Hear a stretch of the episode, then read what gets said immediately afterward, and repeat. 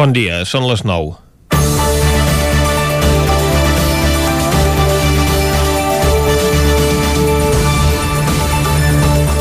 Nou capítol de la guerra per la presència de la bandera espanyola a l'Ajuntament de Vic.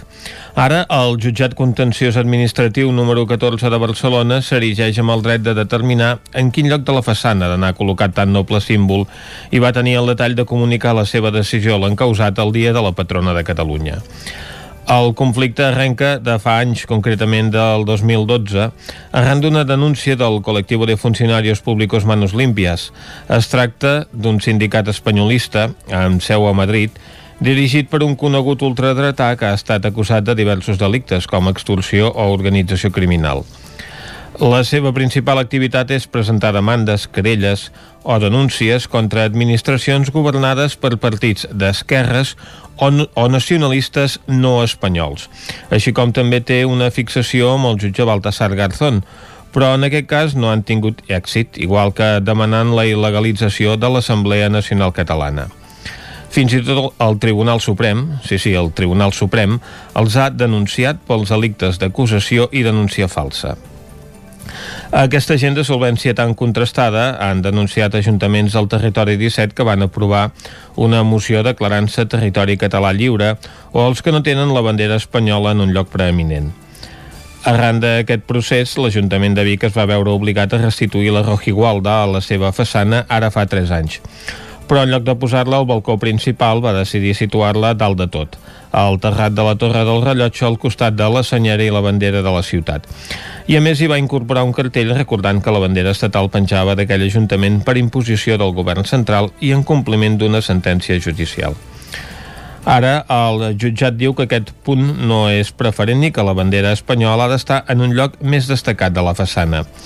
I el que ha decidit fer l'Ajuntament de Vic, a part de recórrer la decisió judicial, és col·locar les mateixes tres banderes que manté a la Torre del Rellotge arraconades en una banda de la part interior del balcó principal, aquell que serveix per penjar la pancarta demanant la llibertat dels presos polítics i que només s'utilitza perquè els Reis d'Orient saludin els nens la nit de la cavalcada o on s'hi enfilen els enxanetes dels pilars que fan els segals Osona en les jornades castelleres. Amb aquesta decisió, l'alcaldessa de Vic s'evita la imputació per un delicte de desobediència que li podria costar la inhabilitació, com ha estat el cas del president Quim Torra. I ara no seria el millor moment per buscar-se problemes si finalment s'aconsegueix formar un govern en el que hi ha la possibilitat que hi pugui tenir un pes específic. Però clar que arran d'aquest conflicte Vic s'hagi convertit en l'Ajuntament de Catalunya amb més banderes espanyoles a la seva façana no sembla propi de la capital de la Catalunya catalana que té un sol regidor no independentista al seu consistori. Comencem Territori 17, a la sintonia del 9 FM, la veu de Sant Joan, Ona Corinenca, Ràdio Cardedeu i el 9 TV. Territori 17, amb Vicenç Vigues i Jordi Sunyer.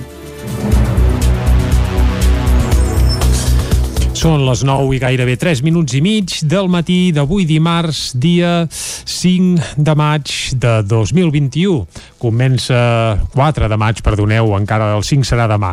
4 de maig de 2021. Comença ara mateix un nou Territori 17 que avui, com cada dimarts, el que tindrà és el Buscat la Vida amb la Txela Falgueres. També parlarem d'economia amb en Joan Carles Arredondo i avui acabarem passant balanç del mes d'abril parlant de meteorologia amb el Manel Dot, el nostre meteoròleg de capçalera que ens visita una vegada al mes per fer balanç precisament del mes que deixem enrere. I ara el que toca, com sempre, és arrencar tot posant-nos al dia i fent un repàs a l'actualitat de les nostres comarques, les comarques del Ripollès, Osona, el Moianès i el Vallès Oriental.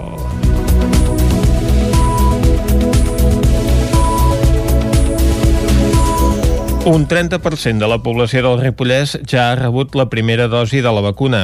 Isaac Muntades, des de la veu de Sant Joan. La vacunació al Ripollès continua avançant a bon ritme i ja hi ha un 30,1% de la població, unes 7.608 persones que ha rebut almenys una dosi de la vacuna. En canvi, el percentatge baixa fins a una mica menys de la meitat, un 14,2%, si s'observa la dada de persones que ja han rebut la pauta completa de la vaccinació. Ara n'hi ha 3.590 persones. Segons les dades del Departament de Salut de la Generalitat, ja hi ha 2.553 persones que han passat la malaltia a la comarca, un 10,1% dels habitants. Per tant, ja hi ha més d'un 40% de les persones del Ripollès que o han passat la Covid-19 o que s'han vacunat. Sens dubte, la vacunació està fent caure en picat la xifra de morts persones que van a la UCI o de contagiats. Candel López, de 74 anys i de Ribes de Freser, explicava les ganes que tenia de vacunar-se i de com va anar. La meva vacunació va anar, que ens van trucar d'aquí del CAP, una marit no hi era, vam anar a Pret, però m'han donat el recado d'un amic. Si es volia vacunar, li vaig dir que sí, que sí, de seguida. I llavors que es vacunés, que vingués dimarts aquell dia, que es vacunaria. I jo vaig demanar, li vaig demanar a la noia que em va picar, dic, jo no,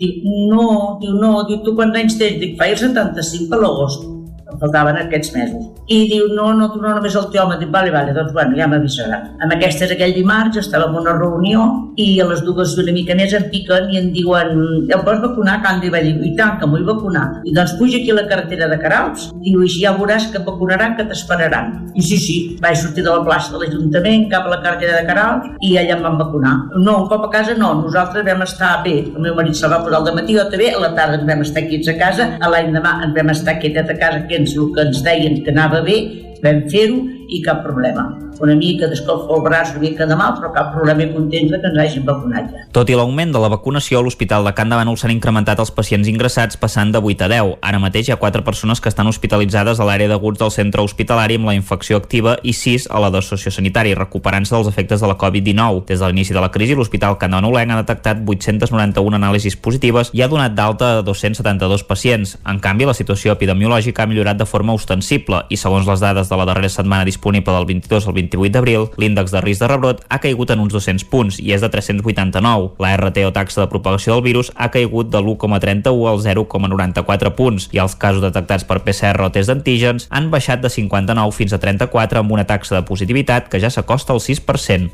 Des d'ahir al matí que l'Ajuntament de Vic ha començat a multar els vehicles no autoritzats que entren a l'illa de Vianants al Portalet. Durant dos mesos i mig la iniciativa havia funcionat en període de proves. És un pas més en l'objectiu de l'equip de govern de treure el trànsit rodat del centre i d'assolir una mobilitat més saludable, sostenible i segura. Després de 10 setmanes en període de proves, ahir es van començar a multar els vehicles no autoritzats que accedeixen al portalet de Vic. En els dies previs, els agents cívics i els agents de la Guàrdia Urbana havien intensificat la campanya informativa recordant als conductors que només poden passar per les Rambles del Bisbat i els Montcada els vehicles dels veïns i veïnes d'aquesta zona i els que tenen aparcaments al centre històric, la Rambla del Passeig o la plaça de Santa Teresa, ho explica Fabiana Palmero, regidora de Mobilitat de l'Ajuntament de Vic en aquest període de prova jo crec que ha anat força bé perquè hem donat com un marge perquè la gent s'acostumés a no passar-hi i cada cop passen menys cotxes. Entenem que a partir de dilluns que això serà efectiu, és a dir, que hi haurà una càmera que farà fotos i els cotxes que no estiguin autoritzats seran multats, eh, tindrem una altra reducció de cotxes, evidentment.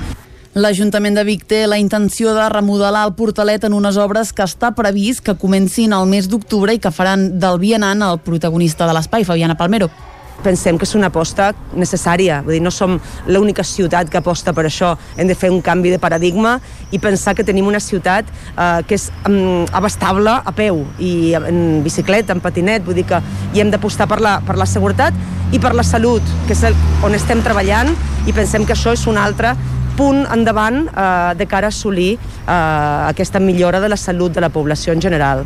L'accés dels vehicles a l'illa de Vianants del Portalet de Vic està controlat per una càmera que registra totes les matrícules. Ahir dilluns l'Ajuntament de Vic va penjar la bandera espanyola al costat de la senyera i de la bandera de la ciutat, els tres màstils al balcó principal de la façana. En el mateix espai, a la balconada que dona la plaça Major de Vic, també hi ha una estelada i una pancarta que demana la llibertat dels presos polítics.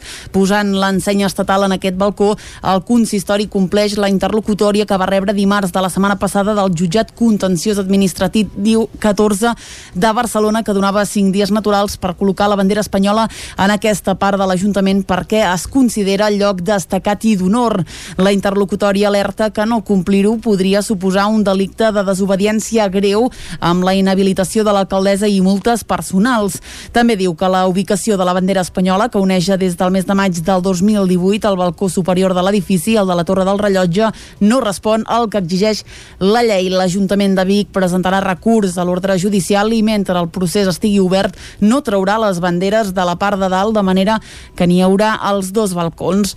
L'equip de govern defensa en base a un informe tècnic que el balcó superior constitueix l'emplaçament idoni perquè es tracta d'un lloc d'honor preferent i visible i que les banderes no hi afecten el patrimoni arquitectònic d'un bé cultural d'interès local com és la balconada principal de la plaça Major. El Consell Comarcal d'Osona crearà una comissió per abordar la problemàtica de l'accés motoritzat al medi natural. Així mateix es va aprovar en l'últim ple del Consell celebrat la setmana passada. La comissió hi haurà representades sis alcaldies i s'ha tingut en compte també els antics consorcis de turisme per representar totes les zones.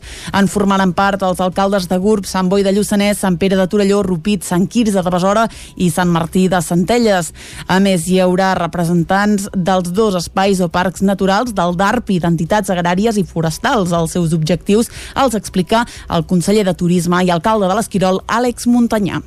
Un cop tinguem creada aquesta comissió, que haurà de servir per, per, bueno, per, per, per regular, regular l'accés motoritzat en el, en el medi natural, no només en els parcs naturals, sinó a la resta de, de, de, de, de l'espai natural que tenim aquí a la comarca d'Osona, ens servirà per, doncs, bueno, per, per anar informant en el departament, en el DARP, en aquest cas, de, de tota la mobilitat. Necessitem crear un inventari molt important de camins, per això és important la tasca també de, de l'àrea de desenvolupament rural del Consell Comarcal.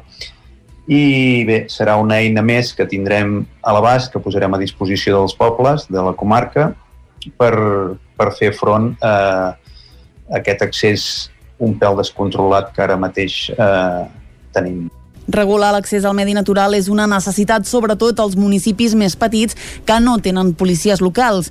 A més, Muntanyà també va apuntar que hi ha una manca d'efectius d'agents rurals i també de Mossos d'Esquadra. Caldes de Montbui s'adhereix a la xarxa de memòria i prevenció del feixisme a través d'una moció aprovada en l'últim ple municipal. Caral Campàs, des d'Ona Codinenca.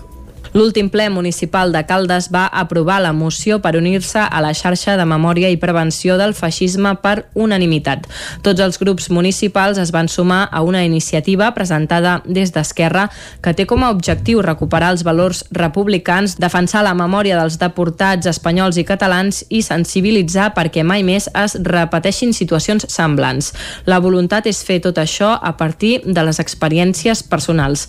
Carme Germà, regidora de Memòria Local, va donar alguns detalls de les activitats que hi ha previstes. En aquests moments aquesta regidoria, com bé sabeu, està treballant per posar cara a tots els calderins deportats a camps de concentració. Per això que estem preparant un seguit d'actes un cop hagi passat l'estiu amb la voluntat de recordar els noms i les vides d'aquests veïns que no poden ser oblidats. La xarxa de memòria i prevenció del feixisme mai més és un projecte de Michael Madhausen, l'associació fundada el 1962 per defensar els drets morals i materials de les persones deportades. Amb l'acord aprovat al ple, l'Ajuntament de Caldes es compromet a participar en la tasca de sensibilització, divulgació i prevenció del feixisme i amb la recerca històrica dels deportats del municipi. Tot plegat es vol aconseguir gràcies a la implicació d'altres entitats culturals i cíviques locals i especialment amb els centres de secundària amb els quals es vol impulsar un programa d'activitats. L'Ajuntament de Cardedeu ha posat en marxa el servei d'atenció psicològica que unifica altres serveis que ja oferia l'Ajuntament i afegeix el suport a les joves. David Oladell, de Ràdio Televisió, Cardedeu.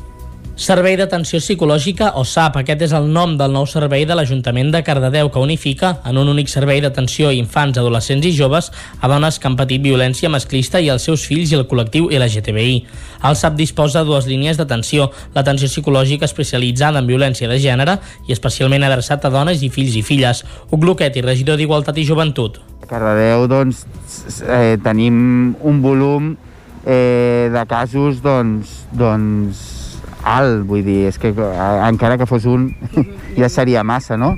Però sí, sí, tenim, tenim bas bastants casos en seguiment i esperem que amb aquest suport psicològic doncs, puguem tenir una eina més no? de, de suport i acompanyament. També és un servei adreçat a persones del col·lectiu LGTBI+, que hagin patit violència masclista o qualsevol altra discriminació, i l'atenció psicològica a infants i adolescents i a les seves famílies per millorar les relacions familiars, socials i personals davant situacions com la manca d'autoestima, problemes de convivència, dificultats amb l'escola, ús de noves tecnologies, separacions, dol, entre d'altres. El SAP també desenvolupa activitats de prevenció i de sensibilització en relació a la igualtat de gènere. Hugo Luquet i regidor d'Igualtat i Joventut servei va molt més enllà, és un servei d'atenció psicològica, que va molt més enllà del tema de violència masclista, però amb el tema de violència masclista sí que entenem que és una eina més en, en tota una estratègia que tenim no? a nivell d'Ajuntament, que fa un temps que estem desplegant per la prevenció i l'abordatge de les violències masclistes. Per accedir al servei podeu concretar una entrevista mitjançant una trucada al 93 844 41 40 o per correu electrònic. També podeu accedir personalment a Can Borràs. La companyia usonenca Còrcia Teatre va estrenar aquest diumenge Roda de Ter Nuades, una obra que uneix tres grans personatges femenins del teatre universal tres personatges que corresponen a tres dones que s'enfronten individualment amb el codi patriarcal de la seva societat. La nora de, de, del dramaturg noruec eh, Henrik Ibsen, la senyoreta Júlia de l'escriptor suec August Tannberg i la Blanque del nord-americà Tines Williams, la directora i autora del muntatge Anna Paraseguer, explica el perquè d'aquesta tria perquè jo volia parlar de tres històries de tres personatges femenins que totes tres tinguessin uh, certa relació al mateix temps amb el que és uh, la relació amb l'amor, la, la relació amb l'home i com tot afectava. Llavors, després de fer una recerca de diferents obres i de buscar i d'anar mirant què, què em podia ser més interessant, al final em vaig quedar amb elles tres perquè em van resultar que és les que es combinaven més bé pel que volia fer. Els tres personatges femenins estaven interpretats per la Laia Monforte, l'Anna Bussanya i l'Ivet Callís, que completaven el repartiment juntament amb l'actor Jordi Arqués. El muntatge, que es va estrenar diumenge a la tarda al Teatre Liceu de Roda, es podrà veure properament a l'Atlàntida de Vic, qui també té previst fer gira arreu de Catalunya. I després del repàs a la informació del dia, que hem fet com sempre amb Clàudia Dinarès, amb Vicenç Vigues, amb David Auladell, amb Caral Campàs i amb Isaac Muntades, el que ens toca és parlar del temps. Casa Terradellos us ofereix el temps. I com sempre, Territori 17, parlar del temps és parlar amb en Pep Acosta. I el saludem de seguida. Pep, bon dia. Hola, molt bon dia. I molt bona hora. Com va aquest dimarts? Bé. Espero que hagi començat molt bé. I tant. Pel que fa al temps, anem al temps, anem va. a la informació meteorològica, mm -hmm. serà un dia molt tranquil. Però bueno, parlem primer una mica del passat, ahir dilluns ja vam tenir anticicló uh -huh. uh, ja ha marxat aquesta perturbació que ens va faltar cap de setmana ja no tenim ni rastre d'ella està desapareguda cap a Itàlia i cap als Balcans. I nosaltres estem sota un anticicló eh, bastant potent que està situat al centre de la península Ibèrica. Ahir les temperatures ja van ser més altes, màximes de 18-19 graus, per exemple 18 a Vic, 19 a Granollers, també 18 a Parafita, uh, però tot i així, les mínimes, les mínimes encara són baixes. Uh, ja estan per sobre els 5 graus al prelitoral, però encara han baixat per sota els 5 graus a l'interior, eh, cap a Osona, Mollanès i, i el Ripollès. Uh, mínimes per sota això, eh, dels 5 graus encara, eh, temperatures baixes, baixes, per l'època de l'any, però que es dispararan, sobretot a partir de dijous i divendres, amb vents de sud es dispararan. De moment aquest anticicló no ens aporta vents de sud, eh, ens aporta vents de direcció variable i fa que la temperatura no es dispari encara. Però sí que avui a migdia, amb molt de sol, notarem com la temperatura puja un o dos graus més respecte ahir. Màximes de 21-22 en els llocs més càlids. Molt de sol i només alguna nuvolada a la tarda. Uh -huh. Una mica més gruixuda i més important que aquestes nuvolades cap al Pirineu, on no es descarta alguna precipitació. Si és que arriba a caure, molt, molt escassa. Com ahir, Ahir vam tenir dos litres cap a Ter, també cap a Núria, aquesta zona es va ploure una mica, doncs avui tampoc es descarta alguna petita precipitació en aquesta zona. Eh? Són els típics eh, ruixats de primavera, de molt curta durada, encara no tenen res a veure amb les grans nuvolades de l'estiu que, que provoquen aquestes tempestes tan violentes. Eh? No, no, són nuvolades de primavera, no hi ha molta energia encara per poder fer créixer aquestes tempestes i per tant seran eh, poc importants, no deixaran molta, molta precipitació, si és que arriben a caure, ja ho dic, eh? creixeran nuvolades, però és possible que ni, ni deixin pluja. Uh -huh. I això és tot, eh, a disfrutar el dia d'avui, un dia tranquil, amb alguna nuvolada a la tarda i amb unes temperatures ja superiors als 20 graus a les zones més càlides de les nostres comarques. Molt bon dia, fins demà. Vinga, molt bon dia, Pep, moltes gràcies. Deixem enrere el mes de mà, d'abril, volguem dir, entrem al mes de maig i sembla que ara sí s'acosta la bonança, si més no pel que fa a temperatures. Nosaltres ara el que farem és re, una pausa de mig minut i tornem de seguida per anar cap al quiosc. Casa Tarradellas us ha ofert aquest espai. Territori 17. Envia'ns les teves notes de veu per WhatsApp al 646 079 023. 646 079 023. WhatsApp Territori 17.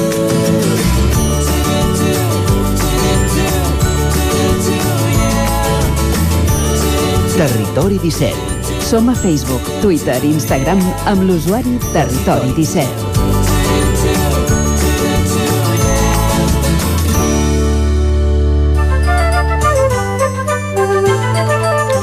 Arriba l'hora d'anar al quiosc. Anem a veure, Clàudia, de què parlen els diaris d'avui en aquesta jornada d'eleccions a la Comunitat de Madrid. Molt bon dia de nou. Comencem, com sempre, amb el punt avui que diu fi del toc de queda el 9 de maig. S'acabarà el confinament nocturn si es mantenen les dades. El govern no preveu mesures alternatives un cop s'aixequi l'estat d'alarma.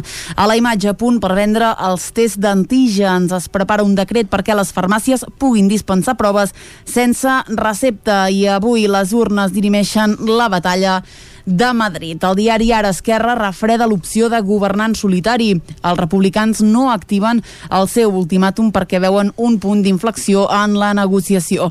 A la imatge catàstrofe a l'Índia falten vacunes i també falta oxigen. Encara en el, pel que fa a la pandèmia, sprint de vacunacions amb més de mig milió de dosis aquesta setmana en cultura. El tricicle s'acomiada amb una gran exposició al Palau Robert de Barcelona. Precisament el tricicle obre la portada del periòdico d'avui, diu el gran viatge en tricicle. Una exposició al Palau Robert recorre les quatre dècades de, de trajectòria del trio humorístic més famós de Catalunya. Uh, pel que fa al 4M, Madrid decideix avui l'agenda política espanyola en política catalana, l'acord entre Esquerra i Junts passa per limitar el paper de Carles Puigdemont. I a l'avantguàrdia el govern dona per fet que no allargarà el toc de queda a partir del 9 de maig. La Generalitat ha de preparar abans de diumenge un paquet de restriccions ratificades per la justícia. A la imatge, Madrid decideix més enllà de la comunitat. El virus causa el pànic a les ambaixades de Delhi i alerta Norwegian acomiadarà 1.200 empleats i empleades i tancarà el Prat. Anem a veure què treuen en portada els diaris de Madrid. Comencem, com sempre, amb el país que diu Madrid escull entre dos models de societat després de 15 dies de crispació. A la imatge, els primers visitants arriben a la Capella Sixtina aquest any, el 2021. A Europa s'obre ara als turistes vacunats i el secessionisme escocès diu busca un nou impuls a les eleccions. Anem al Mundo que diu Ayuso es juga a Madrid i medeix la reactivació del centre-dreta. A la imatge veiem Ayuso Russo amb el robot Sofia.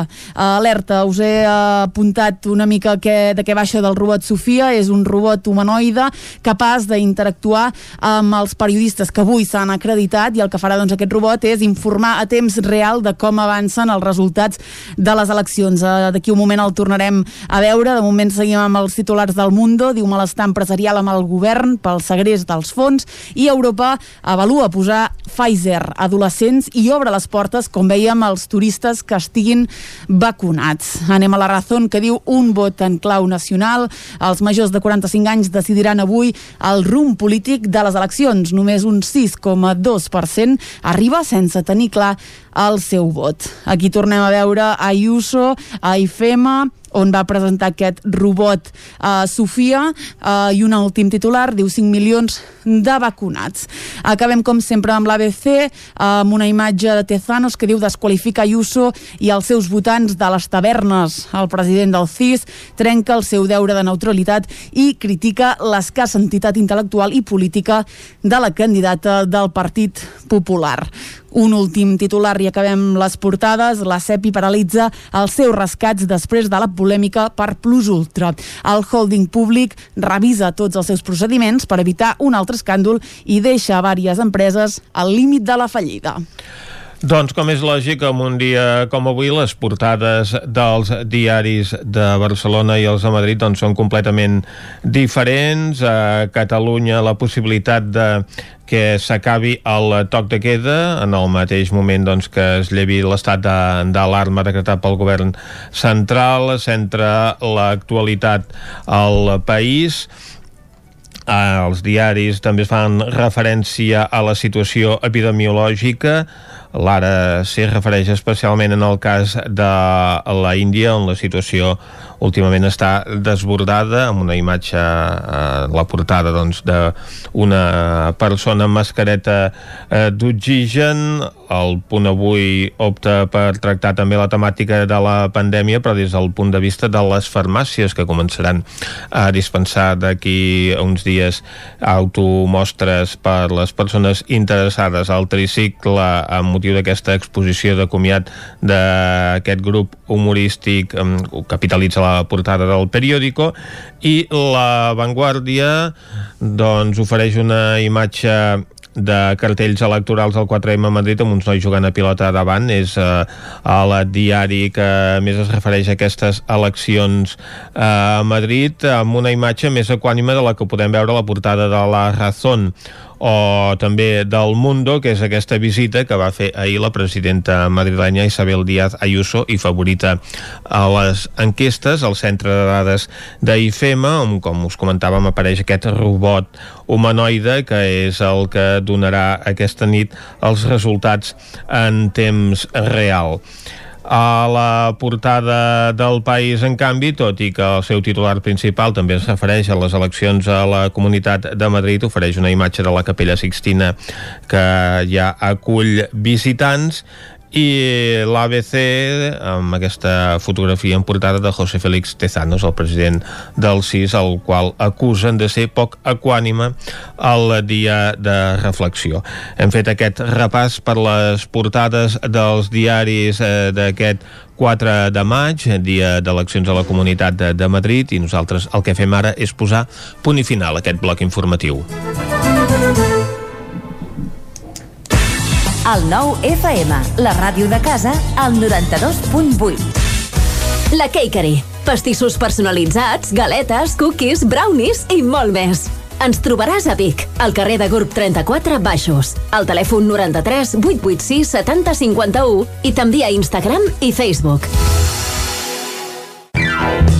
Xalant Moda i Complements. Nova temporada primavera-estiu. Moda home-dona, nen-nena, sabates, bosses de mà, maletes, complements i molt més. Vine a veure, ens trobaràs una secció d'ofertes amb roba de la temporada passada a 10 euros i 19 euros. Vine a Can Xalant, ens trobaràs al carrer Sant Tomàs número 6 de Call d'Atenes. També a Instagram i Facebook. Hi ha sensacions que són úniques. Aquell bany relaxant, mirar per la finestra quan plou i com les calderes Bailand, que li ofereixen fins a 15 anys de cobertura total amb el servei tècnic oficial Bailand. Informis a Oficiat Nord trucant al 93 886 0040. Amb el servei tècnic oficial de Bailand, la seva caldera estarà en les millors mans. A Corretja tenim tot el que necessites per la teva llar. Tot tipus de paviments i revestiments, sistemes d'aïllament, cobertes, parquets, aixetes, ferreteria, pintures, fixació i cargoleria, vestuari i material de seguretat.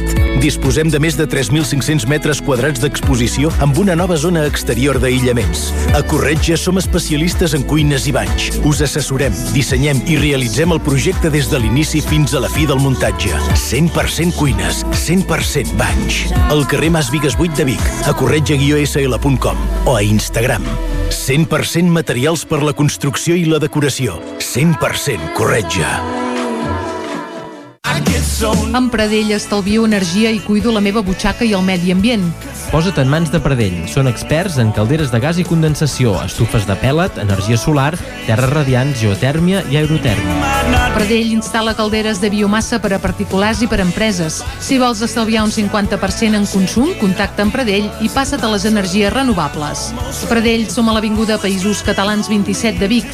Telèfon 93 885 1197. Pradell.cat. El Sabater. Reparació de calçat al moment i còpies de claus de seguretat i de cotxe. Esmolem tisores i ganivets, cosim pell i cremalleres, arreglem articles d'alpinisme i canviem soles de botes i sabates de muntanya i running. El Sabater. Som a la plaça Cris Rei número 1, al costat de l'església de Dalt Vila, de Manlleu. Telèfon 677 45 46 01. La ràdio de casa al 92.8. El 9 FM.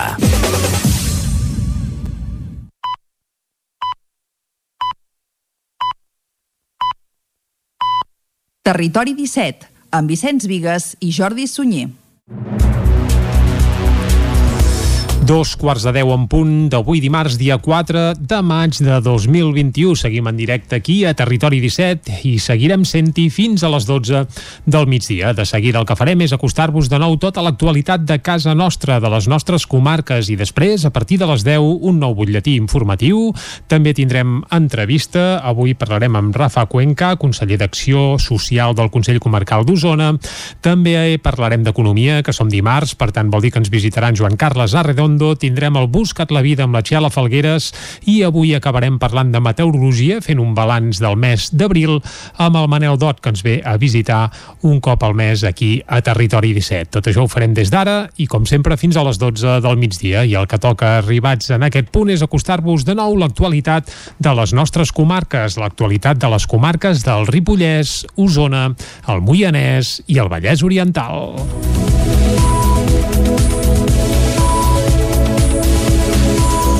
Un 30% de la població del Ripollès ja ha rebut la primera dosi de la vacuna. Isaac Muntades, des de la veu de Sant Joan. La vacunació al Ripollès continua avançant a bon ritme i ja hi ha un 30,1% de la població, unes 7.608 persones que ha rebut almenys una dosi de la vacuna. En canvi, el percentatge baixa fins a una mica menys de la meitat, un 14,2%, si s'observa la dada de persones que ja han rebut la pauta completa de la vaccinació. Ara n'hi ha 3.590 persones. Segons les dades del Departament de Salut de la Generalitat, ja hi ha 2.553 persones que han passat la malaltia a la comarca, un 10,1% dels habitants. Per tant, ja hi ha més d'un 40% de les persones del Ripollès que o han passat la Covid-19 o que s'han vacunat. Sens dubte, la vacunació està fent caure en picat la xifra de morts persones que van a la UCI o de contagiats. Candel López, de 74 anys i de Ribes de Freser, explicava les ganes que tenia de vacunar-se i de com va anar. La meva vacunació va anar, que ens van trucar d'aquí del CAP, Maria no hi era, vam a Pret, però m'han donat el recado d'un amic, si es volia vacunar, li va dir que sí, que sí, de seguida. I llavors que es vacunés, que vingués dimarts aquell dia que es vacunaria. I jo vaig demanar, li vaig demanar a la noia que em va picar, i jo no, Dic, no, diu, no, diu, tu quants anys tens? Dic, faig 75 per l'agost. Faltaven aquests mesos. I diu, no, no, tu no, només el teu home. Dic, vale, vale, doncs bueno, ja m'avisarà. Amb aquestes aquell dimarts estàvem en una reunió i a les dues i una mica més em piquen i em diuen, em pots vacunar? Canvi va dir, i tant, que vull vacunar. I doncs puja aquí a la carretera de Carals, diu, i ja veuràs que et vacunaran, que t'esperaran. I sí, sí, vaig sortir de la plaça de l'Ajuntament cap a la carretera de Carals i allà em van vacunar. No, un cop a casa no, nosaltres vam estar bé. El meu marit se'l va posar al matí, jo també, a la tarda vam estar quiets a casa, a l'any demà vam estar quietet a casa, que ens, el que ens deien que anava bé, vam fer-ho i cap problema. Una mica d'escolfa al braç, una mica de mal, però cap problema i contents que ens hagin vacunat ja. Tot i l'augment de la vacunació, a l'Hospital de Can de Bànol s'han incrementat els pacients ingressats passant de 8 a 10. Ara mateix hi ha 4 persones que estan hospitalitzades a l'àrea d'aguts del centre hospitalari amb la infecció activa i 6 a la de sociosanitari, recuperant-se dels efectes de la Covid-19. Des de l'inici de la crisi, l'Hospital Can de Bànol ha detectat 891 anàlisis positives i ha donat d'alta a 272 pacients. En canvi, la situació epidemiològica ha millorat de forma ostensible i, segons les dades de la darrera setmana disponible disponible del 22 al 28 d'abril, l'índex de risc de rebrot ha caigut en uns 200 punts i és de 389. La RT o taxa de propagació del virus ha caigut de l'1,31 al 0,94 punts i els casos detectats per PCR o test d'antígens han baixat de 59 fins a 34 amb una taxa de positivitat que ja s'acosta al 6%. Des d'ahir al matí que l'Ajuntament de Vic ha començat a multar els vehicles no autoritzats que entren a l'illa de Vianants al Portalet. Durant dos mesos i mig la iniciativa havia funcionat en període de proves. És un pas més en l'objectiu de l'equip de govern de treure el trànsit rodat del centre i d'assolir una mobilitat més saludable, sostenible i segura. Després de 10 setmanes en període de proves, ahir es van començar a multar els vehicles no autoritzats que accedeixen al Portalet de Vic. En els dies previs, els agents cívics i els agents de la Guàrdia Urbana havien intensificat la campanya informativa recordant als conductors que només poden passar per les Rambles del Bisbat i els Montcada els vehicles dels veïns i veïnes d'aquesta zona i els que tenen aparcaments al centre històric, la Rambla del Passeig o la plaça de Santa Teresa, ho explica Fabiana Palmero, regidora de Mobilitat de l'Ajuntament de Vic en aquest període de prova jo crec que ha anat força bé perquè hem donat com un marge perquè la gent s'acostumés a no passar-hi i cada cop passen menys cotxes. Entenem que a partir de dilluns que això serà efectiu, és a dir, que hi haurà una càmera que farà fotos i els cotxes que no estiguin autoritzats seran multats, eh, tindrem una altra reducció de cotxes, evidentment. L'Ajuntament de Vic té la intenció de remodelar el portalet en unes obres que està previst que comencin al mes d'octubre i que faran del vianant el protagonista de l'espai, Fabiana Palmero pensem que és una aposta necessària. Vull dir, no som l'única ciutat que aposta per això. Hem de fer un canvi de paradigma i pensar que tenim una ciutat eh, que és um, abastable a peu i en bicicleta, en patinet, vull dir que hi hem d'apostar per, la, per la seguretat i per la salut, que és el, on estem treballant i pensem que això és un altre punt endavant eh, de cara a assolir eh, aquesta millora de la salut de la població en general. L'accés dels vehicles a l'illa de Vianants del Portalet de Vic està controlat per una càmera que registra totes les matrícules. Ahir dilluns l'Ajuntament de Vic va penjar la bandera espanyola al costat de la senyera i de la bandera de la ciutat, els tres màstils al balcó principal de la façana. En el mateix espai, a la balconada que dona a la plaça Major de Vic, també hi ha una estelada i una pancarta que demana la llibertat dels presos polítics.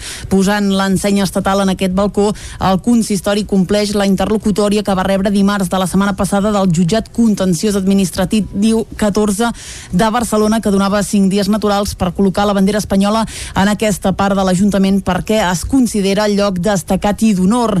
La interlocutòria alerta que no complir-ho podria suposar un delicte de desobediència greu amb la inhabilitació de l'alcaldessa i multes personals.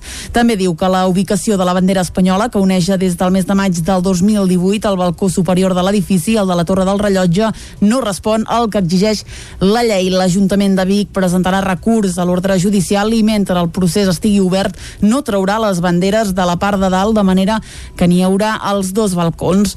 L'equip de govern defensa en base a un informe tècnic que el balcó superior constitueix l'emplaçament idoni perquè es tracta d'un lloc d'honor preferent i visible i que les banderes no hi afecten el patrimoni arquitectònic d'un bé cultural d'interès local com és la balconada principal de la plaça Major. El Consell Comarcal d'Osona crearà una comissió per abordar la problemàtica de l'accés motoritzat al medi natural. Així mateix es va aprovar en l'últim ple del Consell celebrat la setmana passada. La comissió hi haurà representada sis alcaldies i s'ha tingut en compte també els antics consorcis de turisme per representar totes les zones. En formaran part els alcaldes de Gurb, Sant Boi de Lluçanès, Sant Pere de Torelló, Rupit, Sant Quirze de Besora i Sant Martí de Centelles. A més, hi haurà representants dels dos espais o parcs naturals del DARP i d'entitats agràries i forestals. Els seus objectius els explica el conseller de Turisme i alcalde de l'Esquirol, Àlex Muntanyà. Un cop tinguem creada aquesta comissió, que haurà de servir per, per, bueno, per, per, per regular, regular l'accés motoritzat en el, en el medi natural, no només en els parcs naturals, sinó a la resta de, de, de, de, de l'espai natural que tenim aquí a la comarca d'Osona, ens servirà per, doncs, bueno, per, per anar informant en el departament, en el DARP, en aquest cas, de, de tota la mobilitat. Necessitem crear un inventari molt important de camins, per això és important la tasca també de, de l'àrea de desenvolupament rural del Consell Comarcal. I bé, serà una eina més que tindrem a l'abast, que posarem a disposició dels pobles de la comarca per, per fer front a aquest accés un pèl descontrolat que ara mateix eh, tenim. Regular l'accés al medi natural és una necessitat sobretot als municipis més petits que no tenen policies locals. A més, Muntanyà també va apuntar que hi ha una manca d'efectius d'agents rurals i també de Mossos d'Esquadra. Caldes de Montbui s'adhereix a la xarxa de memòria i prevenció del feixisme a través d'una moció aprovada en l'últim ple municipal. Caral Campàs, des d'Ona Codinenca. L'últim ple municipal de Caldes va aprovar la moció per unir-se a la xarxa de memòria i prevenció del feixisme per unanimitat. Tots els grups municipals es van sumar a una iniciativa presentada des d'Esquerra que té com a objectiu recuperar els valors republicans, defensar la memòria dels deportats espanyols i catalans i sensibilitzar perquè mai més es repeteixin situacions semblants. La voluntat és fer tot això a partir de les experiències personals. Carme Germà, regidora de Memòria Local, va donar alguns detalls de les activitats que hi ha previstes. En aquests moments aquesta regidoria, com bé sabeu, està treballant per posar cara a tots els calderins deportats a camps de concentració. Per això que estem preparant un seguit d'actes un cop hagi passat l'estiu amb la voluntat de recordar els noms i les vides d'aquests veïns que no poden ser oblidats. La xarxa de memòria i prevenció del feixisme mai més és un projecte de Michael Madhausen, l'associació fundada el 1962 per defensar els drets morals i materials de les persones deportades. Amb l'acord aprovat al ple, l'Ajuntament de Caldes es compromet a participar en la tasca de sensibilització, divulgació i prevenció del feixisme i amb la recerca històrica dels deportats del municipi. Tot plegat es vol aconseguir gràcies a la implicació d'altres entitats culturals i cíviques locals i especialment amb els centres de secundària amb els quals es vol impulsar un programa d'activitats. L'Ajuntament de Cardedeu ha posat en marxa el Servei d'Atenció Psicològica que unifica altres serveis que ja oferia l'Ajuntament i afegeix el suport a les joves. David Oladell, de Ràdio Televisió, Cardedeu. Servei d'Atenció Psicològica, o SAP, aquest és el nom del nou servei de l'Ajuntament de Cardedeu, que unifica en un únic servei d'atenció a infants, adolescents i joves a dones que han patit violència masclista i els seus fills i el col·lectiu LGTBI. El SAP disposa de dues línies d'atenció, l'atenció psicològica especialitzada en violència de gènere i especialment adreçat a dones i fills i filles. Hugo Luquet i regidor d'Igualtat i Joventut. A Cardedeu, doncs, eh, tenim un volum eh, de casos doncs, doncs alt, vull dir, és que eh, encara que fos un ja seria massa, no? Però sí, sí, tenim, tenim bas bastants casos en seguiment i esperem que amb aquest suport psicològic doncs, puguem tenir una eina més no? de, de suport i acompanyament.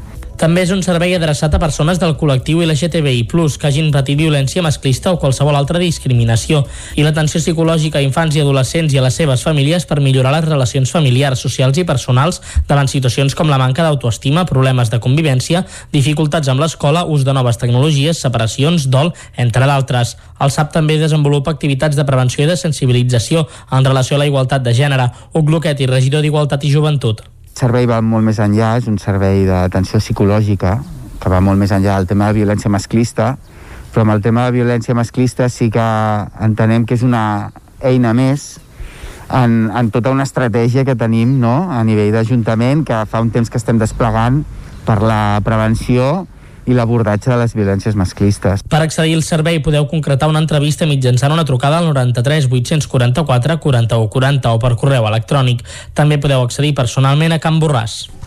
La companyia usonenca Còrcia Teatre va estrenar aquest diumenge Roda de Ter Nuades, una obra que uneix tres grans personatges femenins del teatre universal tres personatges que corresponen a tres dones que s'enfronten individualment amb el codi patriarcal de la seva societat.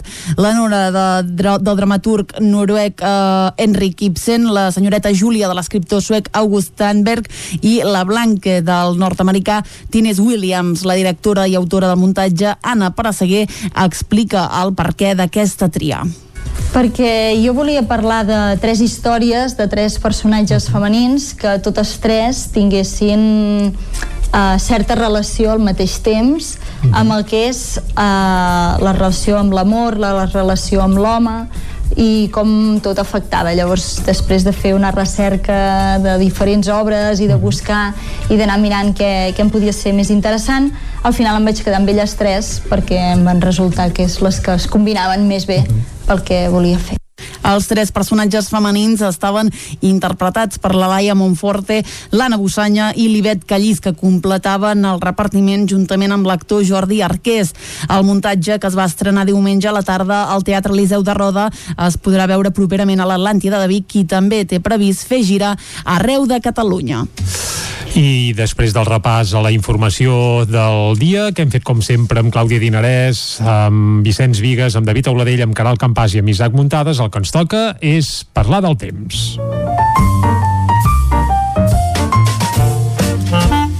Casa Terradellos us ofereix el temps. I com sempre, a Territori 17, parlar del temps és parlar amb en Pep Acosta. I el saludem de seguida. Pep, bon dia. Hola, molt bon dia. I molt bona hora. Com va aquest dimarts? Bé. Espero que hagi començat molt bé. I tant. Pel que fa al temps, anem al temps, anem va. a la informació meteorològica, mm -hmm. serà un dia molt tranquil. Però bueno, parlem primer una mica del passat, ahir dilluns ja vam tenir anticicló. Uh -huh. uh, ja ha marxat aquesta perturbació que ens va faltar cap de setmana. I ja no tenim ni rastre d'ella està desapareguda cap a Itàlia i cap als Balcans.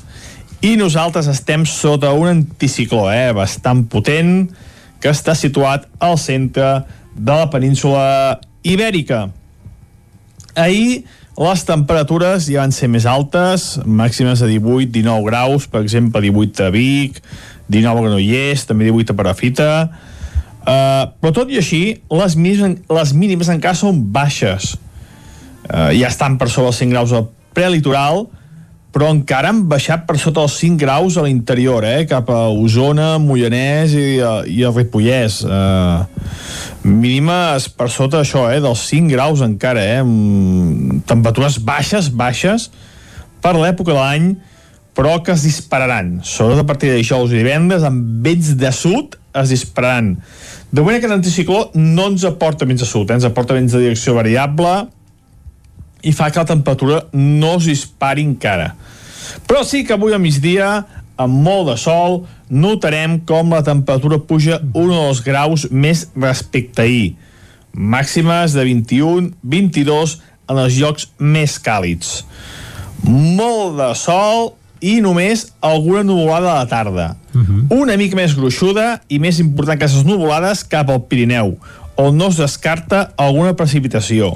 Si és que arriba a caure, molt, molt escassa. Com ahir, Ahir vam tenir dos litres cap a de Ter, també cap a Núria, aquestes zones va ploure una mica, doncs avui tampoc es descarta alguna petita precipitació en aquesta zona, eh?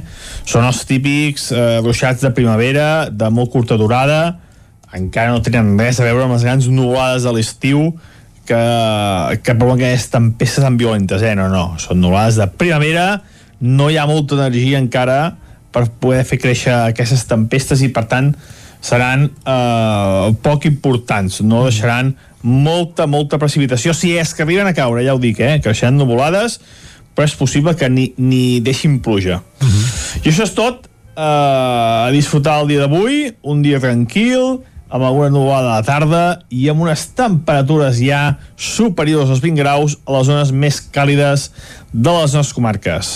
Molt bon dia, fins demà. Vinga, molt bon dia, Pep, moltes gràcies. Deixem enrere el mes de mà, d'abril, volguem dir, entrem al mes de maig i sembla que ara sí s'acosta la bonança, si més no pel que fa a temperatures. Nosaltres ara el que farem és res, una pausa de mig minut i tornem de seguida per anar cap al quiosc.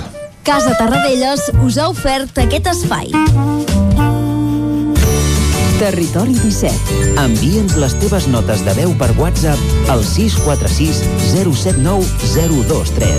646 079 023. WhatsApp Territori 17.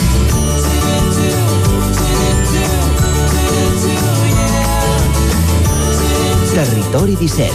Som a Facebook, Twitter i Instagram amb l'usuari Territori 17.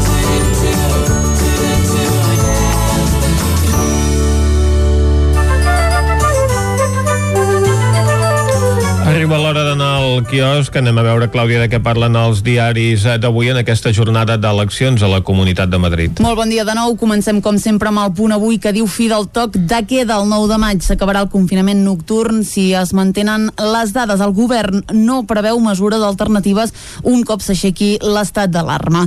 A la imatge, a punt per vendre els tests d'antígens. Es prepara un decret perquè les farmàcies puguin dispensar proves sense recepta i avui les urnes dirimeixen la batalla de Madrid. El diari Ara Esquerra refreda l'opció de governar en solitari. Els republicans no activen el seu ultimàtum perquè veuen un punt d'inflexió en la negociació. A la imatge catàstrofe a l'Índia falten vacunes i també falta oxigen. Encara en el pel que fa a la pandèmia, sprint de vacunacions amb més de mig milió de dosis aquesta setmana en cultura. El tricicle s'acomiada amb una gran exposició al Palau Robert de Barcelona. Precisament el tricicle obre la portada del periòdico d'avui, diu el gran viatge en tricicle. Una exposició al Palau Robert recorre les quatre dècades de, de trajectòria del trio humorístic més famós de Catalunya. Uh, pel que fa al 4M, Madrid decideix avui l'agenda política espanyola en política catalana, l'acord entre Esquerra i Junts passa per limitar el paper de Carles Puigdemont. I a l'avantguàrdia el govern dona per fet que no allargarà el toc de queda a partir del 9 de maig. La Generalitat ha de preparar abans de diumenge un paquet de restriccions ratificades per la justícia. A la imatge Madrid decideix més enllà de la comunitat. El virus causa el pànic a les ambaixades de Delhi i alerta Norwegian acomiadarà 1.200 empleats i empleades i tancarà el Prat. Anem a veure què treuen en portada els diaris de Madrid. Comencem, com sempre, amb el país que diu Madrid escull entre dos models de societat després de 15 dies de crispació.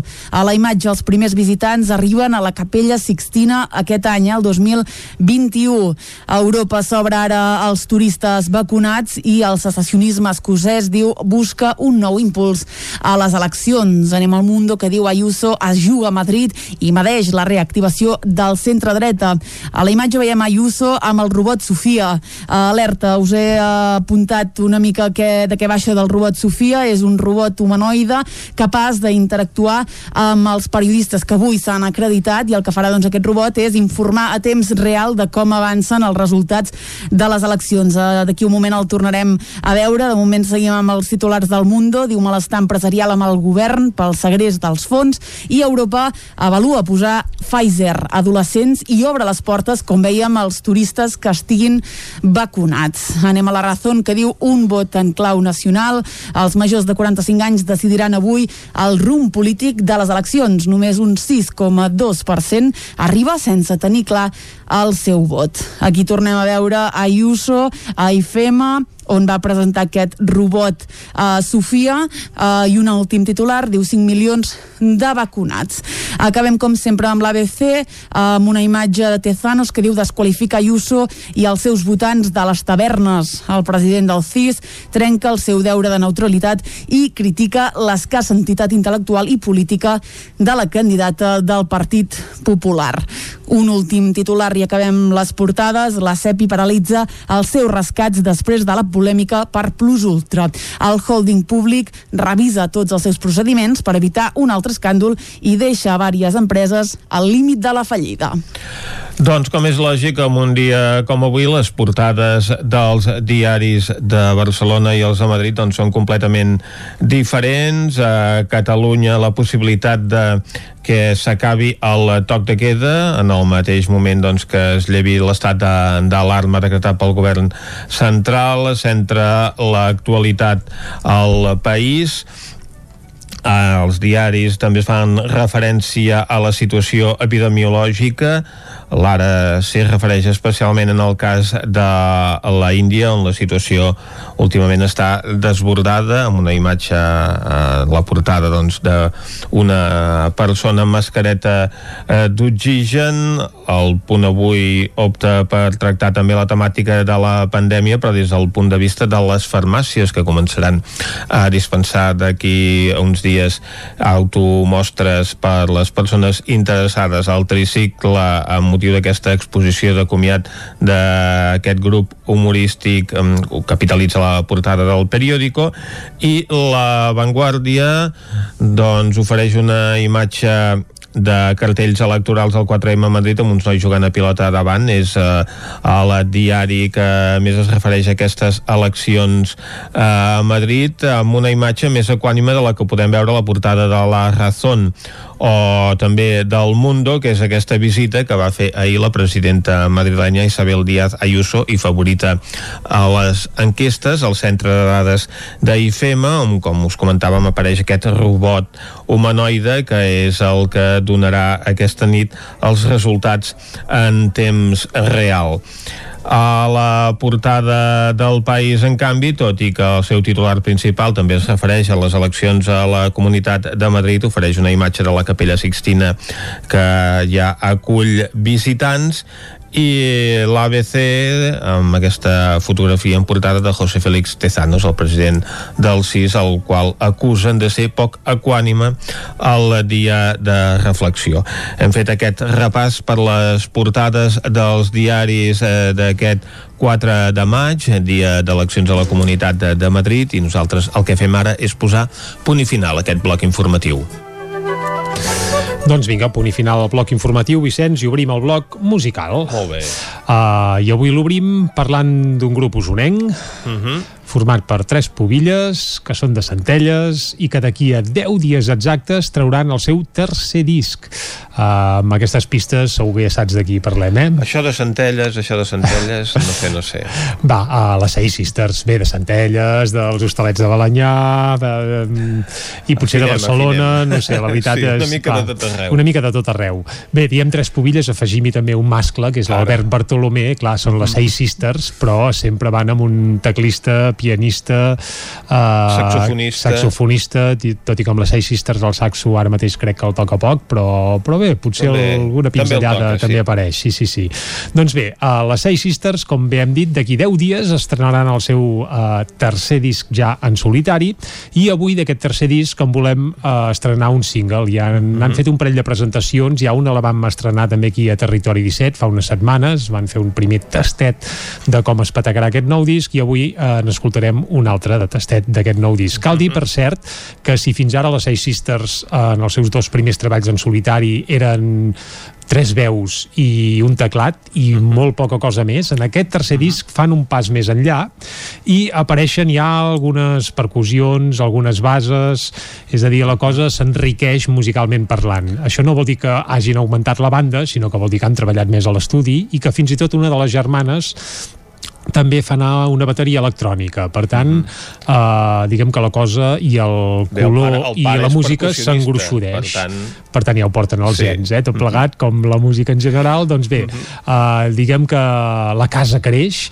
i que pel que fa a so doncs home, sona més, entre cometes més ple, per tant s'allunyen d'aquell gospel primigènit que les havia caracteritzat de bon principi i eh, home, acaben sent gairebé en algunes cançons sembla una banda de sul, eh? allò d'aquelles a l'engròs amb bones veus, això sí, el tractament de veus excepcional, Que és el que però havíem fet abans amb Funky Step. Per exemple, en Frankie uh -huh. Step van de Seis Sisters, que hi havia una formació que, que precisament es deia així anaven Exacte. elles tres i amb una banda amb totes les de la llei uh -huh. bé, doncs ara van sense els Funky Step però sí que diguem que la cosa s'ha engruixudit un pèl. Va, ara ja ens hem posat en context i per tant ja estem a punt per escoltar uh, aquesta nova peça que apareixerà d'aquí 10 dies al tercer disc de les Seis Sisters, la cançó és What is Freedom for You, que és la llibertat per tu i si et sembla Vicenç l'escoltem de cap a peus aquí a Territori 17 fins a arribar al punt de les 10 I sí? tant que sí. Doncs va, capbussem-nos-hi, escoltem aquest What is Freedom for You, una de les peces que contindrà el nou disc de les Seis Sisters, que recordem-ho, es publicarà i s'estrenarà el proper dia 14 de maig, tant en vinil, per cert, com en CD, eh? hi haurà edició en vinil també, això està bé. Va. I ara escoltem aquesta peça fins al punt de les 10 aquí a Territori 17. Fins ara. Who I am or not. What it really means to be free when I don't know who I am anymore. And you question my identity till I feel like I'm living in limbo.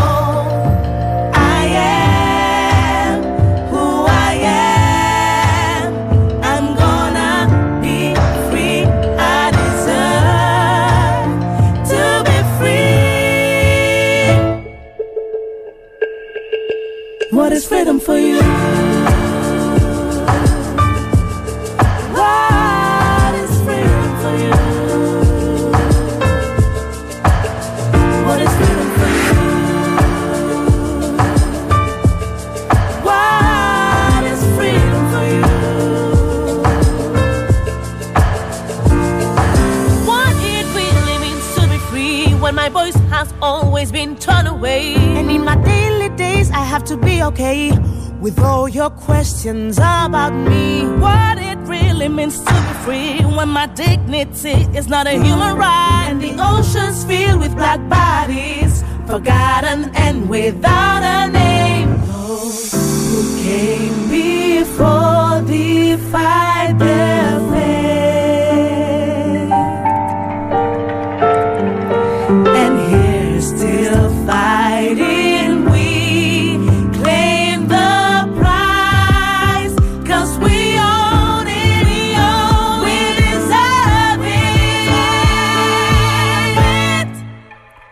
Is freedom for you?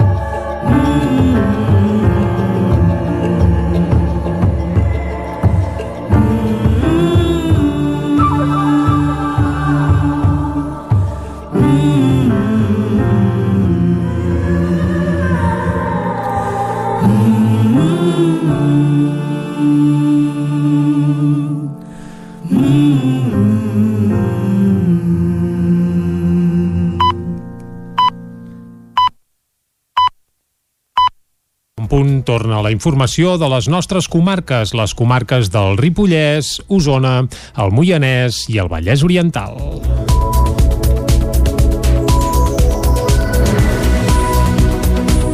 Una trentena de persones van participar dissabte a la mobilització convocada a la plaça de la Noguera de Vic, coincidint amb el primer de maig. Després d'un any d'aturada, el mal temps va deslluir dissabte el primer de maig a Vic. La pluja, però, no va impedir que una trentena de persones convocades per la coordinadora obrera sindical Arran Osona, el CPC, la CUP i Endavant es mobilitzessin per reclamar els seus drets laborals. El punt de trobada va ser la plaça de la Noguera, al barri del Remei. La preocupació pels efectes de la pandèmia va ser el gran tema de la jornada. Des de la COS Osona van aprofitar la diada per denunciar dues situacions laborals que s'han donat recentment a la comarca. La primera en el marc de l'oficina de correus de Taradell. Garau Xipell és membre de la COS Osona de l'oficina de Correus Tarradell, on s'ha creat una secció sindical de la nostra, del nostre sindicat i volem denunciar diverses irregularitats i males praxis dels superiors, d'acord?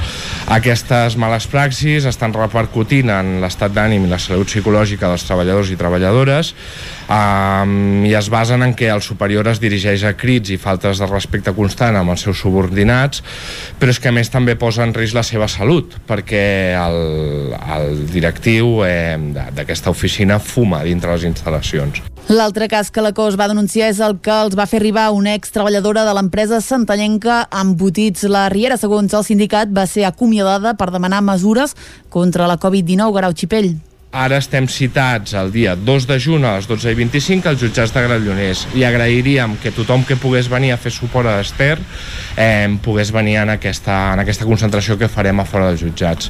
Evidentment hi ha milers de casos més per denunciar eh, a la comarca, fora de la comarca, arreu dels països catalans, però ens volem centrar de moment en aquests dos perquè no hem tingut més temps. El dia abans, divendres, el mateix escenari de la plaça de la Noguera havia acollit un acte organitzat per la CGT. Les càmeres de seguretat del Forn Alta Riba del carrer del Pont de Manlleu van enregistrar amb detall el robatori que va patir l'establiment divendres passat a la tarda. Al vídeo s'hi veu clarament com un vehicle aparca davant de la porta de la botiga. El conductor en baixa, entra corrent a la botiga, agafa la caixa, torna a sortir corrent, puja al cotxe i marxa. Dins de l'establiment només s'hi està 7 segons. Des del forn al Terriba de Manlleu confien que la policia pugui obtenir informació a partir de les imatges que ja circulen per les xarxes per poder identificar l'autor del robatori. Fa uns mesos, tres joves van atracar el mateix forn amb un ganivet i es van endur diners de la caixa. La diputada del PSC, Sílvia Paneque, visita la Fundació MAP de Ripoll i reclama més ajudes pel tercer sector i els restauradors.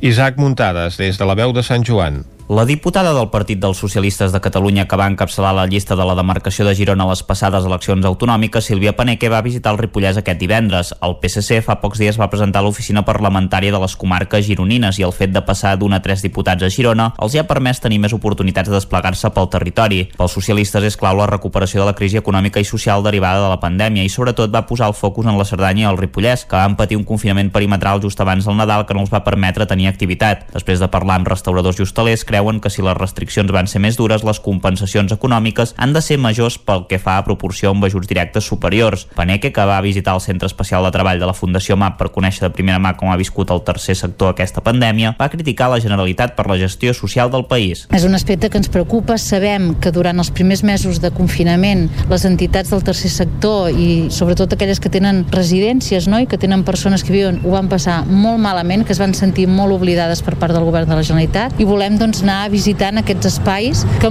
sovint cobreixen tasques que hauria de fer la pròpia administració i que per tant és molt d'agrair i volem tenir per un costat aquest reconeixement i aquest suport i també recollir, com no pot ser d'altra manera, quines són les seves necessitats en aquests moments. Estem en un moment de vacunació, veiem com la vacunació està tinguent un efecte molt directe amb la recuperació de la pandèmia i per tant és un moment d'esperança també i pensem que és el moment de que aquests fons que ens han de venir d'Europa, no? els fons Next Generation, es puguin aplicar des de la proximitat dels municipis a projectes econòmics i socials que ens ajudin a obrir una nova etapa. Precisament, Paneque va explicar que en la sessió de control del Parlament al govern de dijous els hi va dir al govern en funcions que tinguessin a punt aquests projectes, sobretot en matèria de transició digital, energètica, aspectes socials i ciències biomèdiques, perquè creien que no hi posaven tot l'interès que requerien. El regidor del PSC i conseller comarcal, Enric Pérez, també va subratllar la importància de tenir bones infraestructures. Quan vaig reprendre la meva activitat política al Consell Comarcal, vaig recuperar un pacte comarcal que s'havia fet l'any 2010, que era un pacte comarcal per les infraestructures, en dèiem. I malauradament quan repasses aquell document veus que en 10 anys estem gairebé on érem, que molts dels reptes que ja ens havíem marcat eh, durant aquests 10 anys doncs, no s'han afrontat ni han millorat a nivell d'infraestructures. Per sort, doncs, bueno, ara estem reprenent amb, amb energia doncs, aquesta reivindicació del territori, ja sigui, com, com bé apuntàveu, amb el desplegament de fibra òptica, perquè creiem que és capdalt, no? si volem potenciar el teletreball i el repoblament, a dia d'avui doncs, no, això no serà possible sense unes bones xarxes de fibra. Pérez va remarcar els processos en la línia R3 amb la reparació del túnel de Toses, les millores a diverses estacions o els trams de desdoblament que s'han de fer arreu de la línia. Paneque també va passar per Camprodon en aquesta visita al Ripollès. L'Ajuntament de Cardedeu destina 200.000 euros en microcrèdits per reactivar l'activitat de petites empreses i autònoms afectats per la Covid. L'ajuda es pot sol·licitar fins al 30 de novembre o fins que s'exaureixin els diners. David Oladell, de Ràdio Televisió Cardedeu. L'Ajuntament de Cardedeu posa a disposició de la ciutadania 200.000 euros per reactivar i impulsar l'activitat de petites empreses i autònoms afectats per la Covid-19. Els ajuts reintegrables seran d'un màxim de 5.000 euros per a una persona beneficiària, amb un tipus d'interès del 0% i un termini de devolució de 4 anys. Un cop publicada la convocatòria al butlletí oficial de la província de Barcelona, es podran formalitzar les sol·licituds fins al 30 de novembre d'aquest any o fins a exaurir la dotació pressupostària destinada a aquesta convocatòria. Enric Oliver, alcalde de Cardedeu. Ho hem volgut fer el més senzill possible, però evidentment complint les normatives necessàries perquè es tracta d'una subvenció reintegrable. Llavors, a, través de la pàgina web es trobarà una, hi ha una aplicació que s'explica perfectament quins són els documents, es pot fer telemàticament i amb quatre documents molt senzills de radicació, de justificació d'empadronament, de justificació que si hi ha una activitat econòmica està també legalitzada aquí a Cardedeu, justificar que s'està donant d'alta d'autònoms i de la Seguretat Social i que s'està al corrent de pagament, i amb això eh, directament en tramitar i procurarem ser àgils en la tramitació i l'adjudicació. Els ajuts tindran un termini de devolució de 4 anys en pagaments trimestrals i sense interessos. L'abocador d'Uris té previst tancar a finals d'any la fase 3.1, on a dia d'avui s'hi enterren residus que no es poden aprofitar procedents d'Osona i el Ripollès. Amb aquest escenari, aquest mes de maig, s'ha de començar a obrir la fase 3.2 que permetrà disposar d'un nou vas. L'emplaçament d'Uris està actiu des de l'any 1994 i en aquests gairebé gairebé 27 anys hi han entrat més d'1,1 milions de tones de deixalles. Aquest volum de restes acumulades a sota terra va fer clausurar una primera gran zona i en la segona, l'actual, s'està arribant al límit del primer vas. Aquest que s'ha començat a construir és el penúltim que es podrà ubicar a Orís. Amb el ritme actual de generació de deixalles a Osona i al Ripollès, la vida útil de l'abocador s'estima que pot ser d'uns 20 anys més. Des del 2015, el Centre de Tractament de Residus, que hi ha també a Orís, fa de filtre essencial perquè només allò que no es pot reutilitzar de cap manera acabi enterrat a l'abocador. Des dels municipis es remarca la importància d'aquesta selecció prèvia, ja que el cost del cànon d'entrada a l'abocador és elevat i la tendència és que vagi a l'alça en els propers anys. Des d'Osona, l'aposta de molts municipis pel sistema porta a porta ha permès millorar molt les xifres de recollida selectiva i reduir la franja de rebuig que acaba a Orís. Al Ripollès, on només fa porta a porta Sant Joan de les Abadeses, la franja de rebuig no s'ha reduït tant.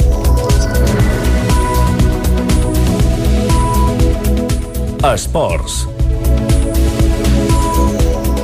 Rubén Garcia, de Vigues i Riells, es proclama campió de la Gran Fondo Lloret Costa Brava, una marxa cicloturista de 162 quilòmetres i 2.700 metres de desnivell. Caral Campàs, des d'Ona Codinenca. Rubén Garcia, veí de Vigues i Riells, va ser el vencedor de la marxa cicloturista Gran Fondo Lloret Costa Brava disputada el diumenge 25 d'abril sobre un recorregut de 162 quilòmetres i 2.700 metres de desnivell en principi i final a Lloret de Mar. La prova constava de fins a 5 ports, entre els quals hi havia Sant Grau i Romanyà de la Selva. Garcia, de 33 anys, va començar a atacar al quilòmetre 25 per completar la resta de la cursa en solitari i culminar una exhibició després de treure 4 minuts al segon classificat. I fins aquí el butlletí de notícies de les 10 del matí que us hem ofert amb les veus de Vicenç Vigues, Clàudia Dinarès, David Auladell, Caral Campàs i Isaac Muntades. Ara el que toca és fer una nova ullada a la situació meteorològica.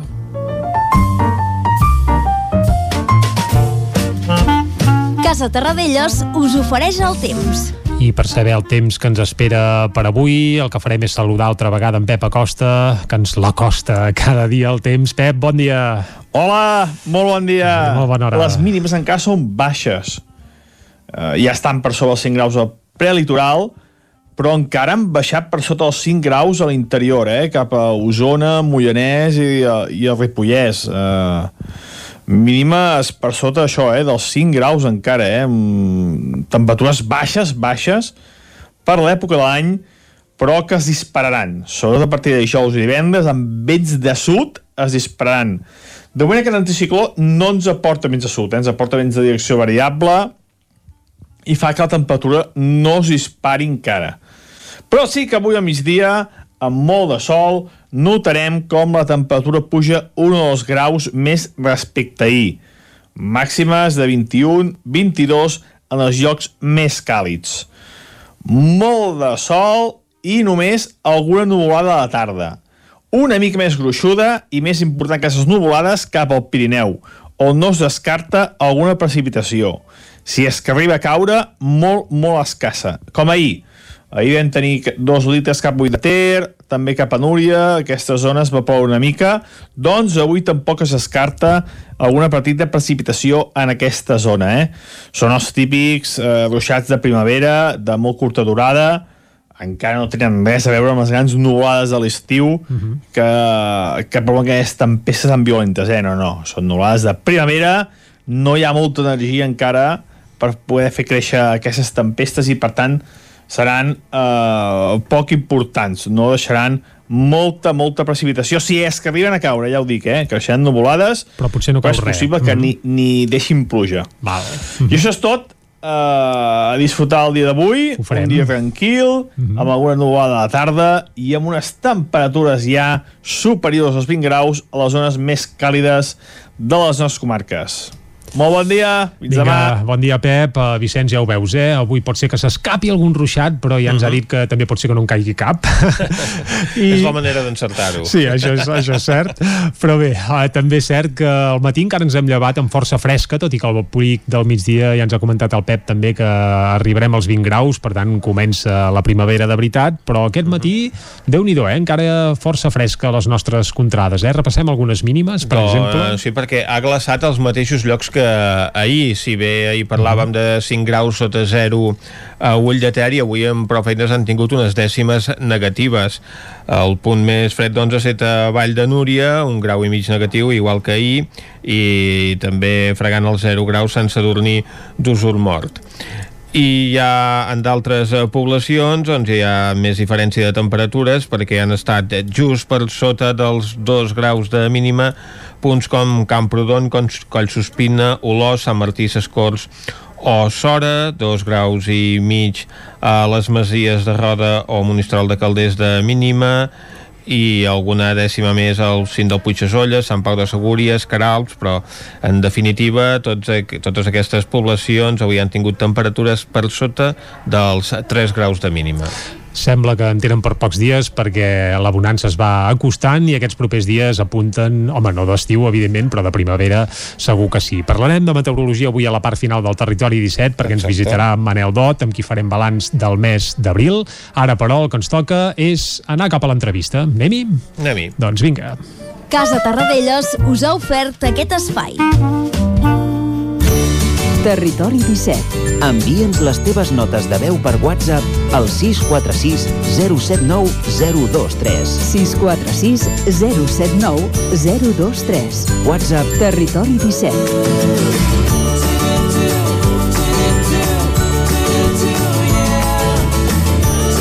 Territori 17. Som a Facebook, Twitter i Instagram amb l'usuari Territori 17.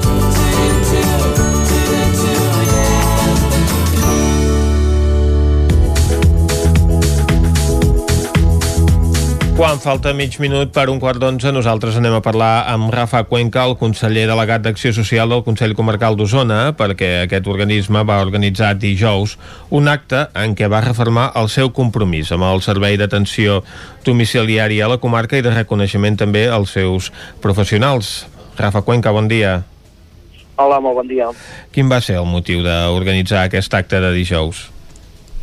Doncs creiem que havia arribat el moment, que jo crec que s'hauria de fer més sovint, doncs de, de parar i de, i de reconèixer doncs, aquesta enorme tasca que doncs, sovint és invisibilitzada de les treballadores del, del servei d'atenció domiciliària a la nostra comarca, que pensem que, que, és, que és una feina molt important, que és una feina que, que els usuaris agraeixen molt i que potser doncs, no era prou visible i aquest va ser el motiu d'organitzar aquest acte amb, amb totes les treballadores i també tots els actors que fan possible aquest model de SAT. Mhm, -huh, perquè Osona ha estat pioner en la implantació d'aquest servei i a més a més s'ha aconseguit doncs, un acord per compartir-lo entre les diferents àrees de serveis socials que hi ha a la comarca. Sí, um, a la nostra comarca um, és veritat que és referent en l'acció conjunta de les quatre àrees bàsiques de serveis socials que, que tenim, la Comunitat La Plana, Vic, Manlleu i la resta de, de la comarca d'Osona, uh, de seguida ja es van posar d'acord, ja cap a l'any 2010, per uh, iniciar un model conjunt uh, de SAT a la nostra comarca, i no només un model conjunt, sinó un model molt especial, molt de la comarca d'Osona, que incorpora, a diferència d'altres llocs, incorpora la figura de de les infermeres, no? que també que fan tant atenció uh, al domicili com també formació a les, a les pròpies treballadores familiars. Uh, és, és un model que sí que és veritat que és, que és pioner i que, i que no només és pioner, sinó que, no, sinó que també és, és referent a arreu de Catalunya. Uh -huh. I quantes persones atén cada any aquest servei?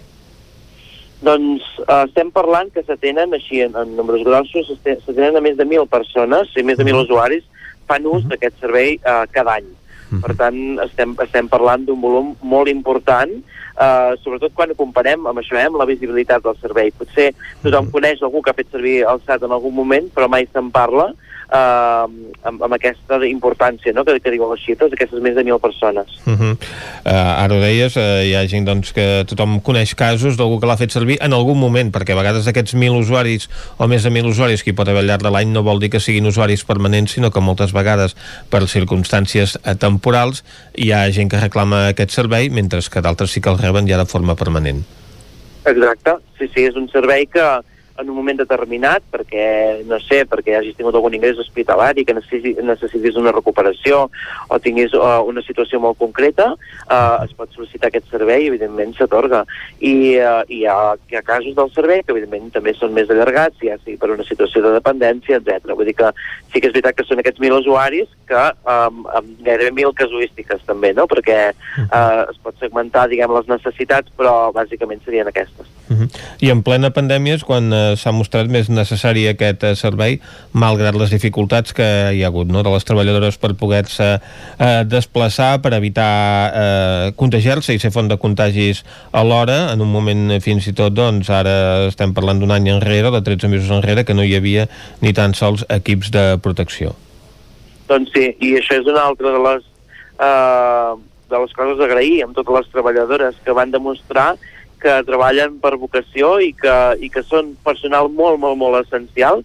Uh, és veritat que la pandèmia ens va, uh, ens va espantar una mica perquè sí que va reduir una mica el, el nombre de, doncs, d'usuaris, sobretot per la por aquesta doncs, al contagi, però mm, després de seguida es va doncs, anat recuperant i les treballadores doncs, van estar des del primer dia al peu del canó visitant els domicilis i, i evidentment que era, que era molt important, no? quan teníem la situació que teníem a les residències, eh, jo penso que s'ha fet molt evident que aquest és un model d'envelliment, d'acompanyament a l'envelliment de present, i, i de futur i, i s'ha evidenciat amb aquesta pandèmia. Mm. I aquesta baixada de la demanda durant la pandèmia, sigui per por, sigui perquè hi havia famílies que com que estaven confinades a casa i molts d'ells teletreballant, doncs eh, ja es podien fer càrrec d'aquesta persona que necessités atenció. Això va eh, derivar en una situació en què el Consell Comarcal no va poder doncs, eh, que, aquest, que aquests treballadors eh, aconseguissin eh, la, la, la regularització com a eh, un expedient de regulació temporal d'ocupació, no? Bueno, bàsicament el que aquesta baixada, eh, justament amb altres factors, eh, van, van fer veure doncs, que a més a més s'acabava el contracte amb la Fundació Assistencial d'Osona uh -huh. i van fer veure doncs, que, que evidentment s'havien d'actualitzar els, els preus hora que, doncs, que, del cost del servei i no només això, sinó que com a Consell Comarcal i conjuntament amb les eh, quatre àrees bàsiques um, no podríem potser arriscar-nos a, a fer una nova licitació amb el perill que suposava de que doncs, eh, s'ho emportés tot aquest servei alguna de les grans empreses, macroempreses que tenim del sector i que pensàvem que doncs, segurament no podria fer un servei eh, com el de la nostra comarca i amb la, amb la singularitat de la nostra comarca i vam decidir llavors conjuntament eh, les quatre àrees bàsiques fer l'aposta de uh, fer una gestió directa, una encomanda de gestió amb un organisme propi, que és el Consorci de Salut i Social de Catalunya, i, uh, i que la gestió fos uh, directa i fos pública. Per tant, uh, això vam poder fer els, els canvis pertinents i finalment ha estat així. No? El, el model de SAT es manté i es manté amb una gestió i amb una mirada pública a través del Consorci de Salut i Social, dels quals, de, que és un consorci públic del qual som membres, i que el Consorci de Serveis Socials doncs, treballa uh, directament i, i incideix directament sobre el model d'estat actual. Mm, I ara, com deien, doncs, eh, la Fundació Assistencial d'Osona ha deixat de fer-se càrrec d'aquest servei, el presta aquesta Fundació S21 que pertany al Departament de Salut i que, a més a més, ha subrogat els contractes dels treballadors. Exacte, aquesta fundació S21 pertany al Consorci de Salut i Social de Catalunya, que és un consorci format exclusivament per entitats públiques, per tant és un consorci públic, i evidentment eh, el, el fer aquest canvi de servei doncs, ha subrogat totes les treballadores que, que formen part del SAT i eh, ha mantingut, per petició nostra i perquè així s'ha treballat, el, el nostre propi model de SAT. Uh -huh. Perquè vostès el que demanen és que la Generalitat incrementi la seva aportació a aquest servei. Sí, evidentment. Uh, fins ara uh, l'usuari està assumint uh, 7 euros uh, l'hora d'aquest preu del cost. Uh -huh. uh, la Generalitat n'assumeix 10 euros amb 72 i els ajuntaments n'assumeixen 5 euros uh, i escaig.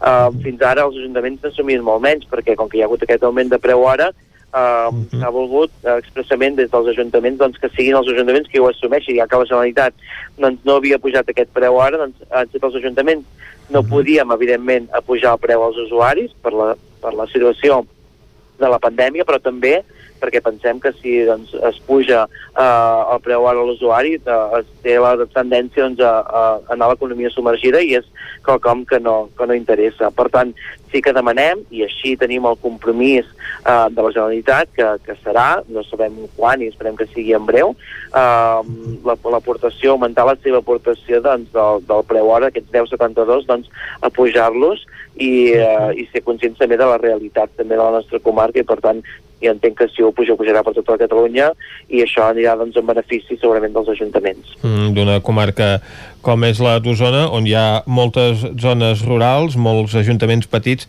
que també gaudeixen d'aquest servei i amb el mateix cost que la resta. L'avantatge d'aquest acord entre tots els ajuntaments és que tothom paga el mateix, estiguem parlant d'una eh, gran eh, urbs com pot ser Vic o com pot ser Manlleu o com pot ser Torelló o sigui un municipi rural com tants n'hi ha també a la comarca. Exacte, aquest és, uh, és un model que, que permet això, que el cost és el mateix, que l'usuari que visqui al Brull o que visqui a Vic o a Manlleu, doncs uh, té el mateix servei i té el mateix preu. Jo penso que això és un avantatge, la nostra uh, comarca té una dispersió geogràfica important i això afegeix molta complexitat a, a l'organització del servei del SAT, però uh, també ens, ens permet tenir aquesta igualtat d'oportunitats d'accés i de tracte que penso que, que és bàsic eh, a Osona i evidentment a tota Catalunya. Uh -huh, perquè precisament en, en aquests moments que estem vivint ara és quan també es fa eh, més palesa aquesta voluntat de, de la gent de poder ser atès a casa, de poder envellir a casa i només doncs, arribar-se cap a, a un centre assistencial en, en un moment d'extrema necessitat, no? Sí, jo, jo crec que això ja, la tendència d'aquest envelliment ja era aquesta, però que la pandèmia ho ha, com, ho ha accelerat, eh? com ha accelerat molts altres processos, com el de la digitalització, per exemple, però aquí sí que és veritat que s'ha fet molt evident que el model residencial és necessari, el continuem necessitant, però que la gent té molta més tendència a assistir a aquest uh, model residencial quan hi ha té un grau de dependència molt alt que és molt difícil doncs, fer aquest envelliment a casa. Uh, molts dels usuaris i molt de la, molta de la gent gran amb la qual uh, parlem, doncs el primer que et diuen és això, jo, jo vull envellir al màxim de bé i al, i màxim de temps uh, a casa meva. I això és el SAT i uh, entenem doncs, que aquest model i aquest servei doncs, anirà més. Uh -huh. I precisament a Manlleu doncs, hi ha un cicle formatiu a l'Institut Antoni Pous per formar professionals d'aquest àmbit. Sí, uh, uh, no només a Manlleu, també, si no m'equivoco, a Centelles també, uh -huh. també hi és, i a, i a Manlleu el que sí que s'ha fet és uh, com s'ha creat un centre de formació integral on, on hi participen uh, tant l'Institut Antoni Pous com, com el mateix Ajuntament de Manlleu i també el Consorci de Serveis Socials, on hem creat un espai de, de treball conjunt per poder, doncs, uh, per exemple, crear una FP dual uh, entre els eh, els, els alumnes, diguem, del cicle formatiu i el Consorci de Zona de Serveis Socials, pràctiques, etc. Vull dir, una col·laboració, un espai de treball on hi ha una col·laboració on tothom surt guanyant, no? I, i penso que això també és un model eh, que, a més a més, això és molt recent i és un model que s'està treballant i penso que serà exitós. Uh -huh. Doncs, eh, Rafa Cuenca, moltes gràcies per acompanyar-nos avui. Perfecte, moltes gràcies a vosaltres. Amb el conseller delegat d'Acció Social del Consell Comarcal d'Osona hem parlat avui d'aquest acte de reconeixement als professionals del Servei d'Atenció Domiciliària de la comarca, coincidint amb aquest desè aniversari, 11 ja, de la seva posada en funcionament i que ha derivat doncs, actualment amb una encomana de gestió a la Fundació S21, una fundació que pertany al Departament de Salut de la Generalitat per poder subrogar els contractes dels professionals que anteriorment doncs, pertanyien a la Fundació Assistencial d'Osona, que és qui prestava el servei i d'aquesta manera els aquesta concessió que es va prorrogar per quatre mesos a conseqüència de la pandèmia i de no poder doncs, executar aquesta operació d'intercanvi. Això permet que es continuï prestant aquest servei amb les mateixes condicions de qualitat que s'ha fet aquests últims 10 anys. I després de parlar d'aquest aspecte amb el Rafa Cuenca, Cuenca eh, fem ara sí una pausa, tornem a dos quarts en punt, amb piulades i amb la taula de redacció. Fins ara mateix.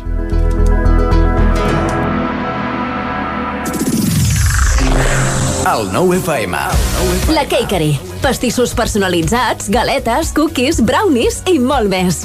Ens trobaràs a Vic, al carrer de Gurb 34 Baixos, al telèfon 93 886 70 51 i també a Instagram i Facebook.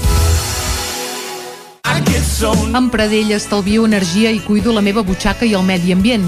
Posa't en mans de Pradell. Són experts en calderes de gas i condensació, estufes de pèl·let, energia solar, terres radiants, geotèrmia i aerotèrmia. Pradell instal·la calderes de biomassa per a particulars i per a empreses. Si vols estalviar un 50% en consum, contacta amb Pradell i passa't a les energies renovables. Pradell som a l'Avinguda Països Catalans 27 de Vic. Telèfon 93 885 1197. Pradell.cat. El racó de León. Gaudeix de la nostra terrassa. Vine a tastar les xuletilles de l'Echal a la brasa amb una bona amanida o el xuletón de vedella gallega. No et pots perdre el nostre lechado de Castilla al forn o el cochinillo a l'estil de Segovia. Tot acompanyat del millor celler, al menjador o fora la terrassa. Descobreix la millor cuina de Lleó sense moure't de casa. Vine amb la família, els amics, la parella o sol. T'encantarà. El racó de León, cuina tradicional lleonesa i de mercat.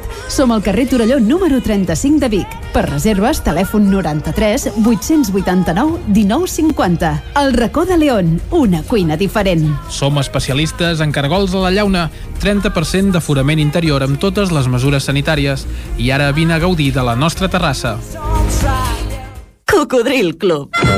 Si t'agrada la bona música dels anys 60, 70 i 80, escolta el 9 FM als matins de dissabtes i diumenges d'11 a 1. És el temps del Cocodril Club, tot un clàssic de la ràdio, amb les bases del pop-rock, les llegendes, les cançons que s'han convertit en autèntics himnes. Recorda, dissabtes i diumenges al matí, d'11 a 1, al 9 FM 92.8. Cocodril Club, el programa revival de l'Albert Malla. Hasta luego, cocodrilo. Hi ha sensacions que són úniques. Aquell bany relaxant, mirar per la finestra quan plou i com les calderes Bailand, que li ofereixen fins a 15 anys de cobertura total amb el servei tècnic oficial Bailand. Informis a Oficiat Nord trucant al 93 886 0040. Amb el servei tècnic oficial de Bailand, la seva caldera estarà en les millors mans. El Sabater. Reparació de calçat al moment i còpies de claus de seguretat i de cotxe. Esmolem tisores i ganivets, cosim pell i cremalleres, arreglem articles d'alpinisme i canviem soles de botes i sabates de muntanya i running. El Sabater. Som a la plaça Cris Rei número 1, al costat de l'església de Dalt Vila, de Manlleu. Telèfon 677 45 46 01. El 9 FM. El 9 FM. El 9 FM. El 9 FM. El 9 FM.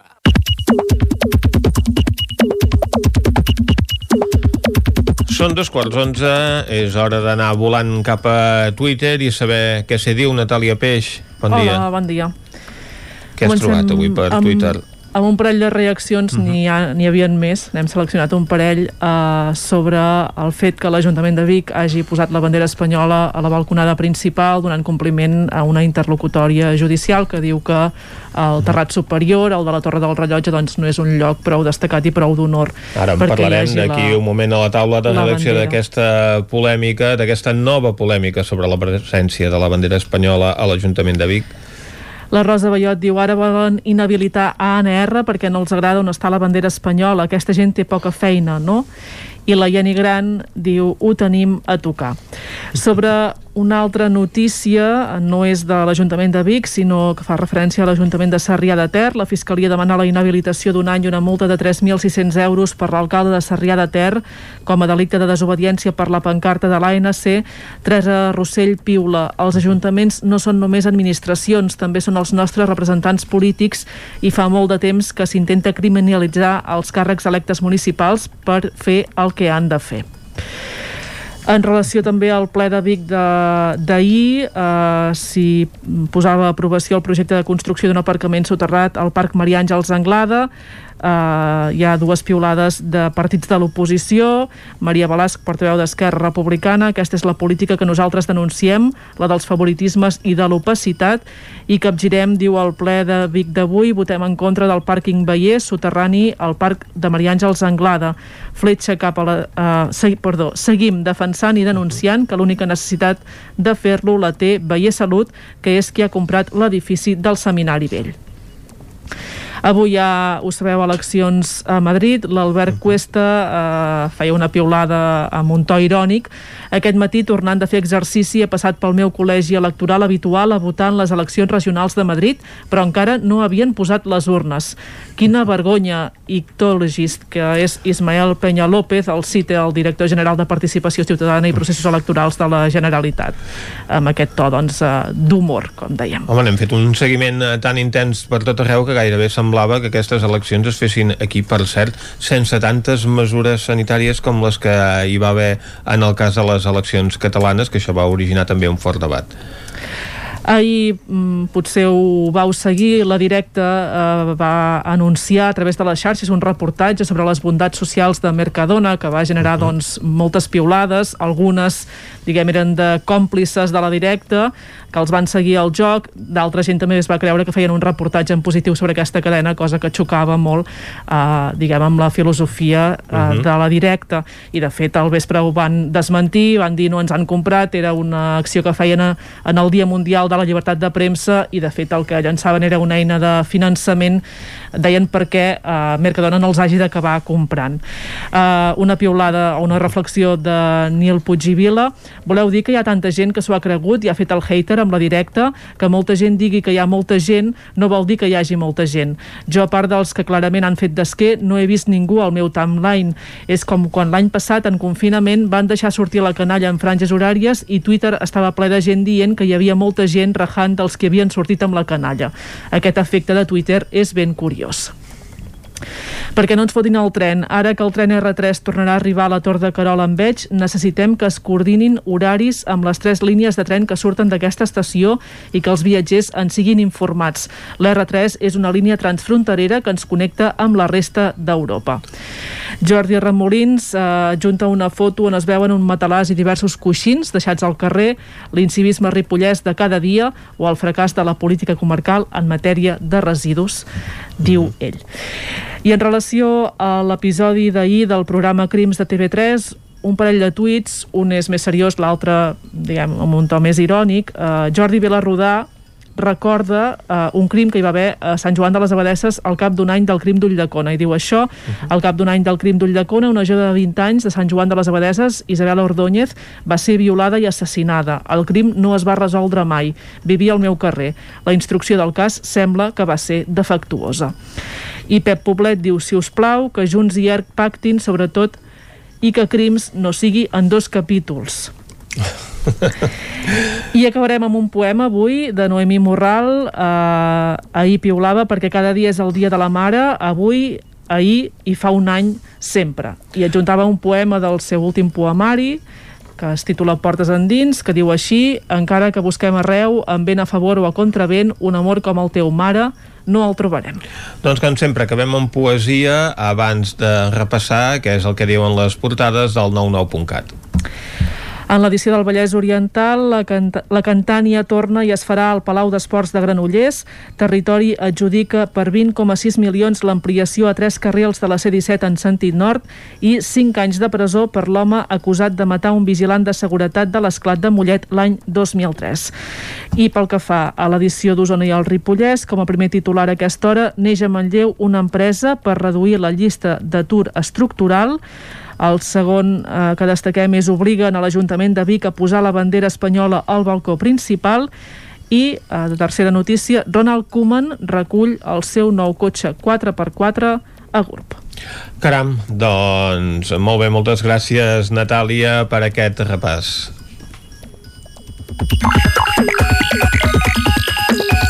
Territori 17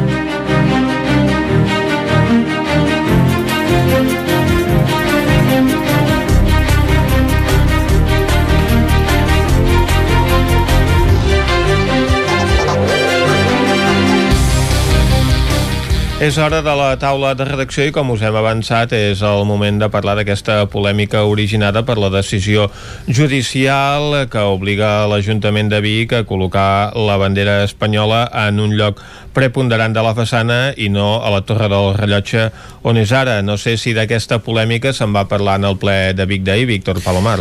Doncs sí, se'n va fer referència. De fet, eh, l'alcaldessa havia convocat els portaveus de tots els grups municipals eh, ahir a les 4 de la tarda i els hi va donar doncs, la informació aquesta, d'aquesta eh, resolució d'un jutjat contenciós administratiu de Barcelona en què obligava a posar la bandera espanyola al balcó de l'Ajuntament. Recordem que des de fa dos anys aquestes banderes, ja en compliment d'una altra resolució judicial, estaven col·locades al balcó del campanar del, de l'Ajuntament, és a dalt de tot de, de l'Ajuntament.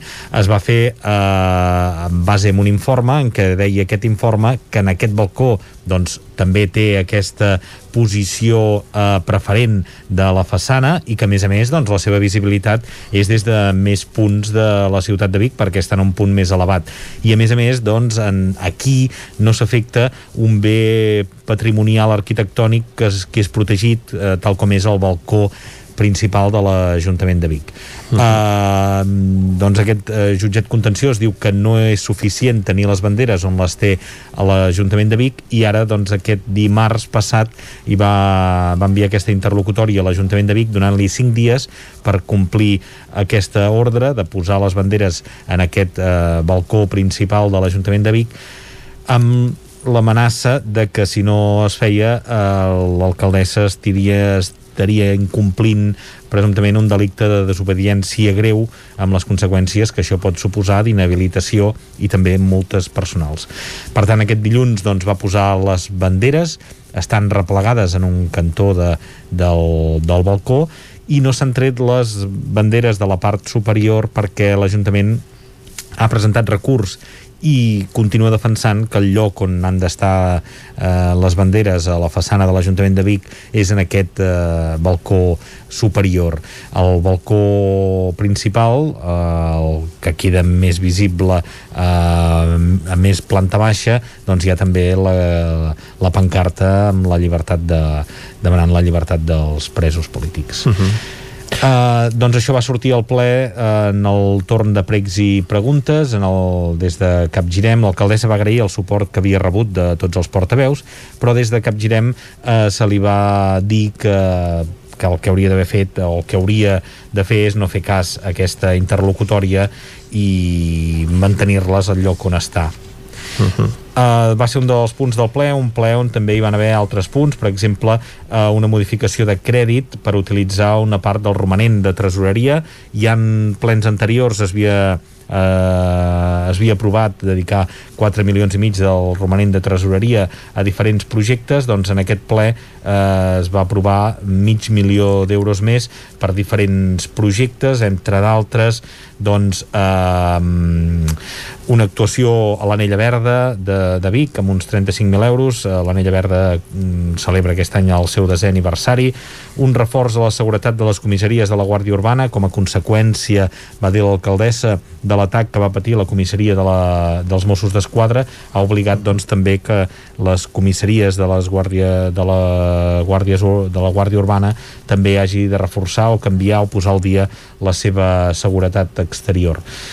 El projecte So de les Cases doncs, també eh, rep una, una partida pressupostària, activitats esportives durant l'estiu i també actuacions de reactivació del turisme vinculant eh, la pernoctació a la ciutat a poder disposar o gaudir d'espectacles de, culturals o, o de visites culturals com pot ser el Vic.0 o visites al Museu Episcopal de Vic.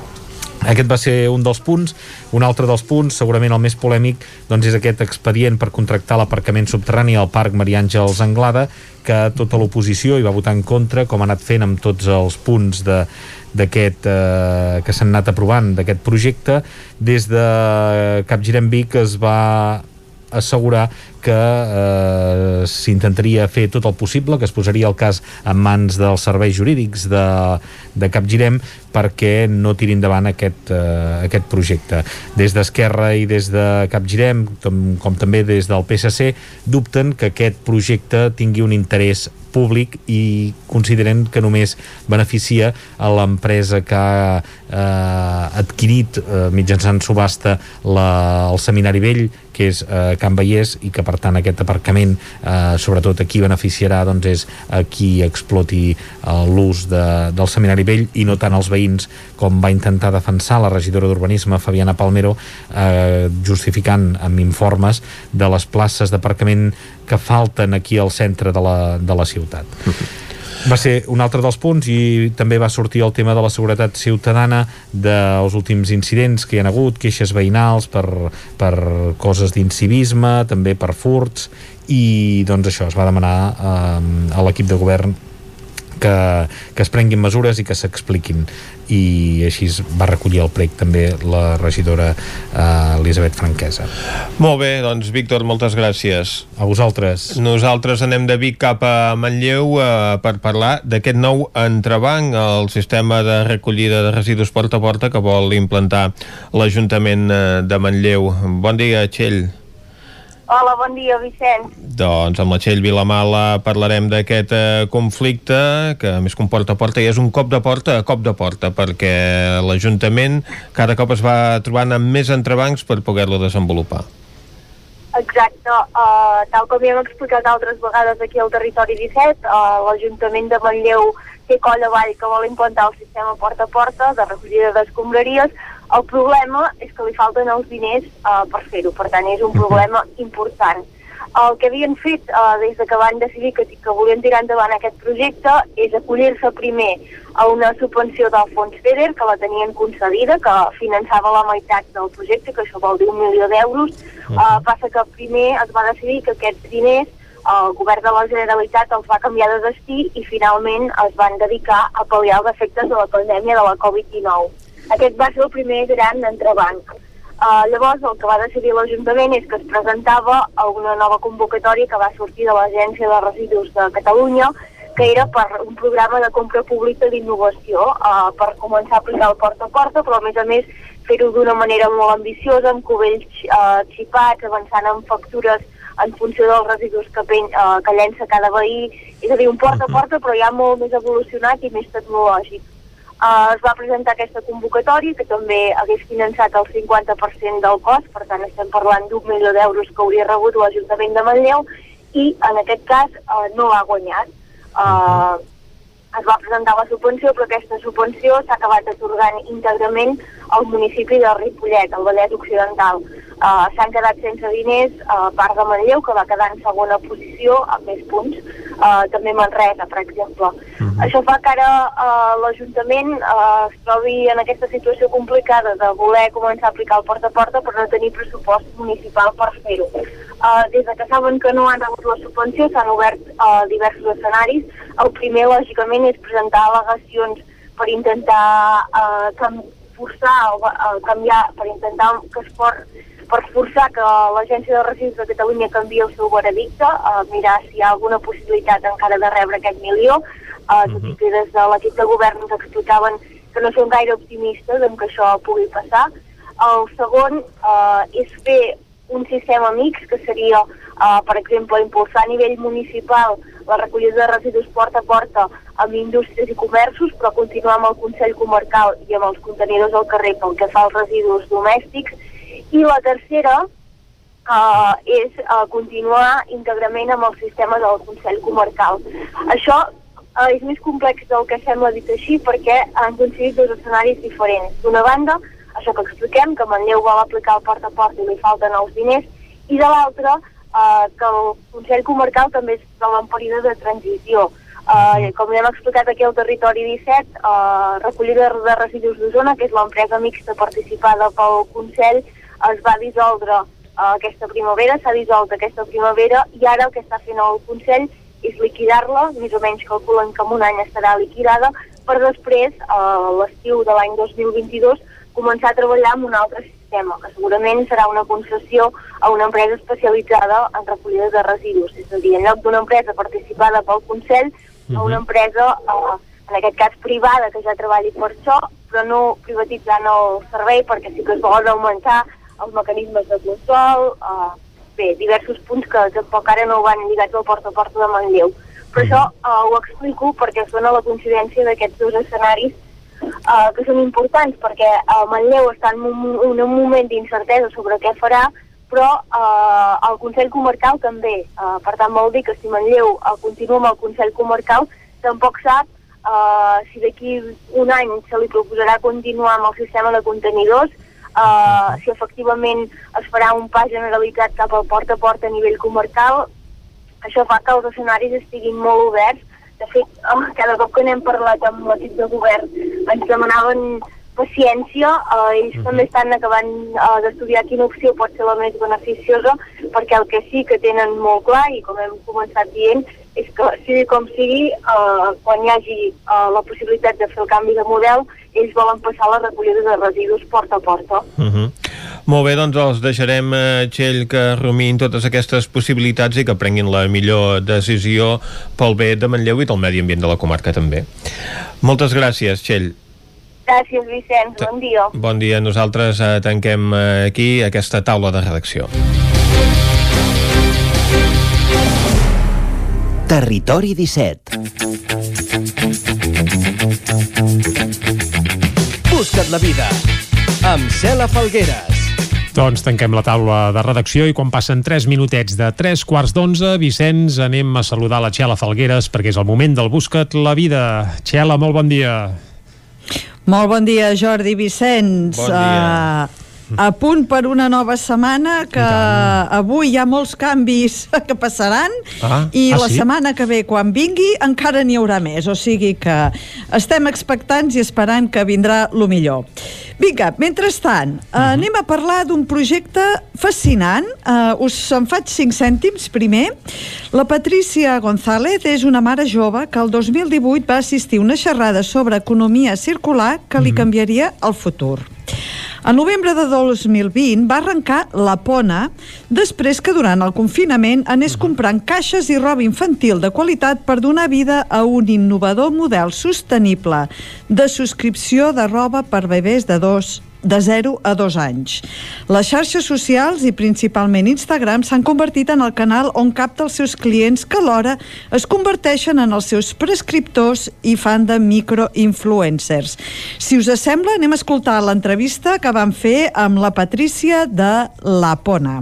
Endavant. Què és La Pona? La Pona és una subscripció de lloguer de roba de nens petits de 0 a 2 anys. Ajudem a les famílies a que vesteixin els seus bebès de manera més sostenible i de, amb un consum molt més responsable. Mm. Com va sortir la idea de dir, a veure, de crear aquesta subscripció i aquest model Doncs la idea va sorgir d'una xerrada a la que vaig anar fa el 2018 on parlaven d'economia circular i jo no havia sentit mai parlar d'aquest concepte i em va cridar molt l'atenció i vaig, la veritat és que vaig estar molt atenta perquè em va semblar molt, molt, bueno, molt potent, no? Vaig pensar, ostres, què és això que m'està explicant aquest senyor?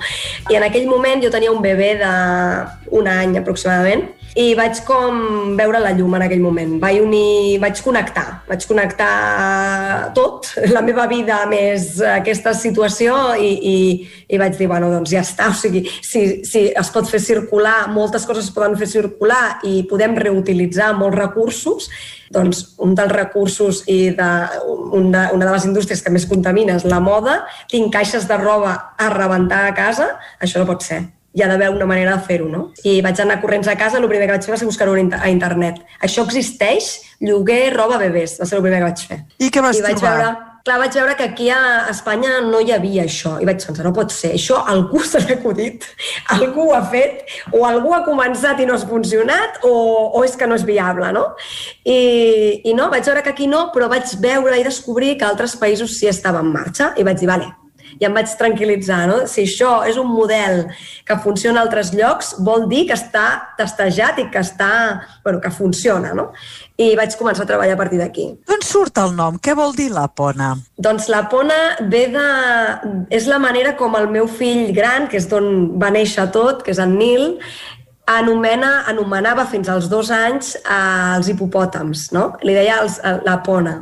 I, I com els animals és una cosa molt significativa per ell, perquè és la seva vida, tot són animals per ell, va ser com, vaig pensar, és un nom molt d'ell, ha sorgit molt d'ell, doncs vaig pensar que tenia molt de sentit posar-hi aquest nom. Molt bé, doncs jo me subscric, tinc diverses opcions a diferents caixes, llavors tu m'envies una caixa cada mes, jo te la retorno, Primer de tot, anem a explicar. Com selecciones tu què poses a cada caixa per cada subscriptor? Ho selecciono amb, amb dos, dos, bueno, hi ha dues coses. No? Una és el formulari que rebo del client. O sigui, ell, el, el client es, es subscriu a un dels plans segons el que, el que li interessa més, però a més a més envia un formulari on, a la, que hi ha a la pàgina web on hi ha molt de detall sobre els seus gustos, els seus interessos, el seu estil, els seus els colors, les mides, sobretot la mida del, del bebè, etc. No? Amb tot això jo tinc molta informació i, a més a més, el que faig, que per mi és importantíssim, és eh, trucar al client. Llavors jo parlo amb el client directament, per mi és molt important això, eh, m'interessa molt per, per conèixer la persona, però a més a més també per, bueno, doncs per tenir una mica més d'informació a l'hora de preparar, preparar les caixes. Les caixes són totalment personalitzades, per tant, doncs, bueno, és molt important aquesta primera, aquest primer contacte. Com gestiones tu rentar la roba i ara amb Covid, higienitzar-la, mm. plegar-la, descartar roba que millor t'ha vingut atacada involuntàriament i aquesta ja l'has de retirar o hi necessites nou estoc? D'on t'arriba la roba per després repartir les caixes i fer els intercanvis? I tota aquesta logística, això ara, no? D'higienitzar i assegurar a les famílies que ara són subscriptores que tot el que reben eh, està lliure de, de Covid. Mm, el que, el que fem nosaltres és, quan nosaltres rebem una caixa, el primer que fem és revisar com estan les peces de roba i automàticament doncs, ho enviem a, ho portem a la nostra tintoreria del bocaderia de local amb qui treballem, amb qui ja tenim un acord i treballem amb una sèrie de paràmetres que són des de tota la rentada es fa doncs, amb una sèrie de detergents i de productes hipoalergènics eh, el més ecològics possible, eh, sempre doncs, eh, eh, respectant doncs, que és roba molt delicada i, a més a més, doncs, fent la desinfecció pertinent de Covid. Fem tot aquest, fan tota aquesta feina, després es fa el planxat i llavors tornem ja a tenir la roba disponible preparada per per posar-la a les noves caixes. I sempre hi ha uh, peces que tenen algun atac o que tenen... Això és normal. bueno, això és, no, en general, el 99% de les peces de roba es poden... es, es, es netegen bé, traiem les, les taques i, i segueix rodant. No? Realment és una roba... Al ser una roba de molt d'alta qualitat, és una roba que té molt, molt i molt de recorregut i ja tenim peces que han, han passat per set famílies tranquil·lament i està super intacta. Treballes amb marques, tens algun acord especial perquè et donguin restes de sèrie o no sé, eh? Com, com ho fas, això? Sí, treballo amb marques molt concretes. Eh, són marques que he seleccionat que estiguin d'acord amb els valors que nosaltres tenim, marques que estan conscienciats no? amb el medi ambient, que treballen amb cotons orgànics eh, o fibres molt naturals, eh, reciclats, etc.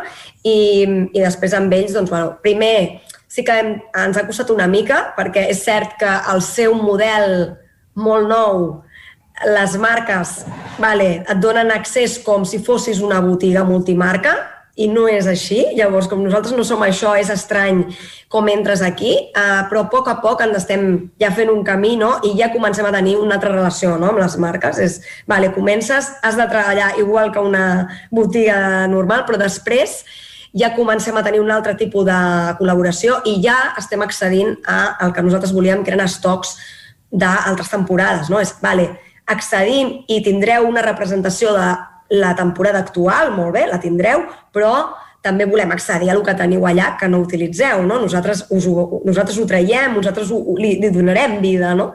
I, i està, això ho estem fent ja, sí. Quantes persones hi ha darrere de la Pona ara? Doncs jo, principalment, i després, bueno, dic nosaltres perquè, perquè tinc ajuda de, en puntual, no? Eh, doncs el meu marit a vegades m'ajuda a fer caixes, eh, doncs bueno, sempre hi ha algun familiar que està per aquí també pringa. Bueno, és que... Clar. Eh, o, bueno, I després també perquè hi ha col·laboradors externs, no? És a dir, doncs tens la, la, la costurera, la, la, la Maite, que és qui, qui ens, ah. ens ajuda doncs, a, a, doncs, a reforçar o a, o a, a arreglar petits descosits, etc. El que et deia de la, la bugaderia, ah. doncs la, la, part de, la part de transport, que, per, que és bàsica, tenim uns col·laboradors impecables i treballem molt amb l'Anna, que l'Anna és qui ens ve buscar els paquets. Llavors, bueno, crec que és com un petit equip que està tot, bueno, és gent externa, però que, que m'ajuda. Sí que ara estic començant a buscar una mica d'ajuda més dintre, no? més de, de, de la part operativa, no? de, de preparar coses, de, de penjar la roba, de quan arriba un, les caixes, de tot això. No? Quina diries que ha sigut la, la millor i la pitjor part d'emprendre en aquesta i arrencar el projecte de la Pona? La millor, la millor part per mi és la satisfacció de, de poder engegar un model nou que, bueno, que jo crec que en aquest país no coneixíem i veure que les persones, que els pares ho entenen, no? Ho entenen i entren d'una manera molt, molt natural, no? La part, doncs, més difícil d'emprendre... Eh, la part més difícil, jo crec que n'hi ha diverses, no?, de difícils, perquè no és fàcil, no? Difícil difícil la conciliació per mi amb, amb bebès, que en tinc un de bebè i tinc un altre nen, per mi això és difícil perquè he de posar molta energia aquí ara i també doncs, la part difícil és no caure, no? És, vale, vale, va, som-hi, va, segueix aquí, segueix aquí i, i no, no baixis d'aquí perquè estàs bé, no? Sobretot a l'inici, perquè a l'inici la gent em deia que si m'havia pres alguna cosa, no? O sigui, que, estàs, que és aquesta idea. Clar, això per mi va ser dur, perquè ningú estava en línia amb mi, no? Ningú entenia. Sí. On tens els subscriptors que estan més lluny? ja, sí, sí. ja, ja està com molt repartit. És cert que, que el nord, no? la part més del nord, Madrid, eh, Catalunya i València serien com les zones més localitzades. Què t'agradaria que passés en el proper any? M'agradaria consolidar el negoci, eh, que, fos, eh, que fos un negoci que, que, que rodés una mica més, no? més sol, tenir una mica d'equip perquè tot, no? O sigui, una sí, mica sí. equilibrar-ho tot i m'agradaria ampliar una miqueta més les, la tall, les talles perquè sé que podem arribar una mica més, perquè sé que hi ha famílies que m'ho estan demanant i que ho podem, ho podem fer i m'agradaria arribar amb, uns, amb molts més subscriptors, no? O sigui, el, jo vull créixer. A mi m'agradaria molt que això, aquest projecte, que ara és un projecte, sigui, que sigui el, el referent a Espanya, no? És, una nova manera de consumir i ser referent. M'agradaria Patricia, molt. moltíssimes gràcies per haver arrencat aquest projecte que jo crec que és tan necessari. Desitjo molts, molts èxits en el teu camí i moltes, moltes gràcies per haver estat amb nosaltres i explicar-nos de primera mà tota la teva aventura de la Pona. Molts èxits i moltes gràcies. gràcies, Txela. Gràcies.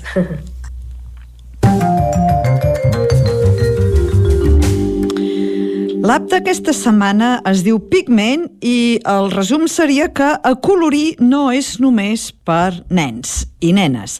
Aquesta aplicació gratuïta amb compres integrades està disponible tant per dispositius Android com iOS. Conté més de 2.000 il·lustracions de tota mena que et permetran, entre cometes, pintar amb una gran varietat de llapis, subratlladors, aquarel·les i aerògrafs.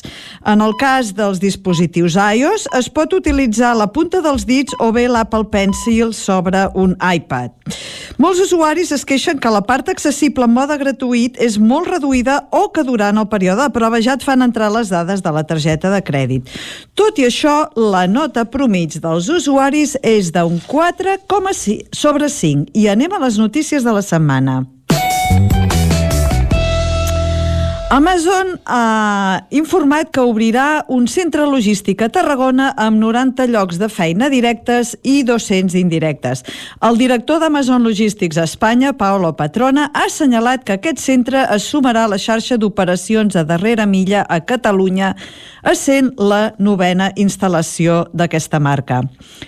I per acabar, Andorra prepara una llei per atreure més youtubers i influencers.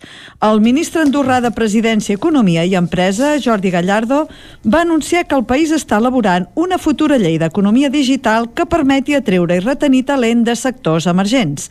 La voluntat de l'executiu és presentar el text aquest juny seguint un model que ja s'ha desenvolupat en altres països com Estònia, on hi ha desenvolupat el concepte de nacionalitat digital. I abans d'acabar el programa d'avui, vull recordar-vos que avui és el dia de Star Wars. Recordeu allò de que la força estigui amb tu? Tant. Doncs que la força estigui amb tu en anglès és May the 4th be with you. I May the 4th, el 4 de maig, quin dia és? Avui. O sigui, tots els que sigueu uns friquis de Star Wars, celebreu el vostre dia a full.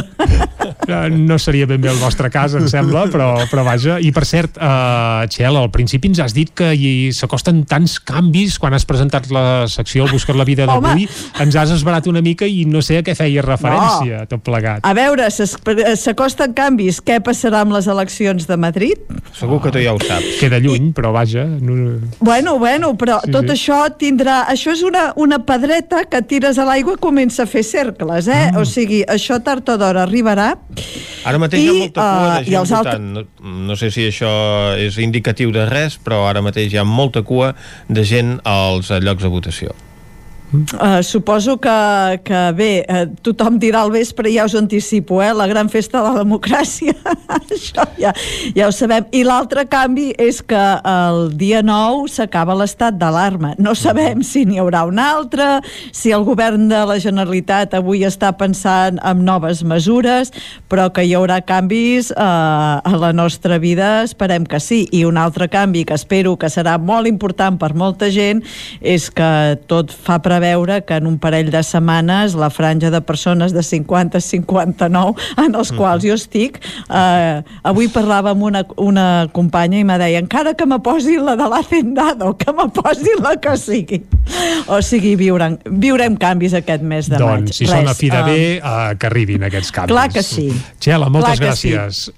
T'esperem Una dimarts abraçada que ve. ben forta. Aquí al Buscat la Vida. Adéu, Dues, adéu. va, a reveure i nosaltres seguim en directe aquí a Territori 17 i ara el que toca, com sempre, és acostar-vos de nou l'actualitat de casa nostra, l'actualitat de les comarques del Ripollès, Osona, el Moianès i el Vallès Oriental. Territori 17, amb Vicenç Vigues i Jordi Sunyer.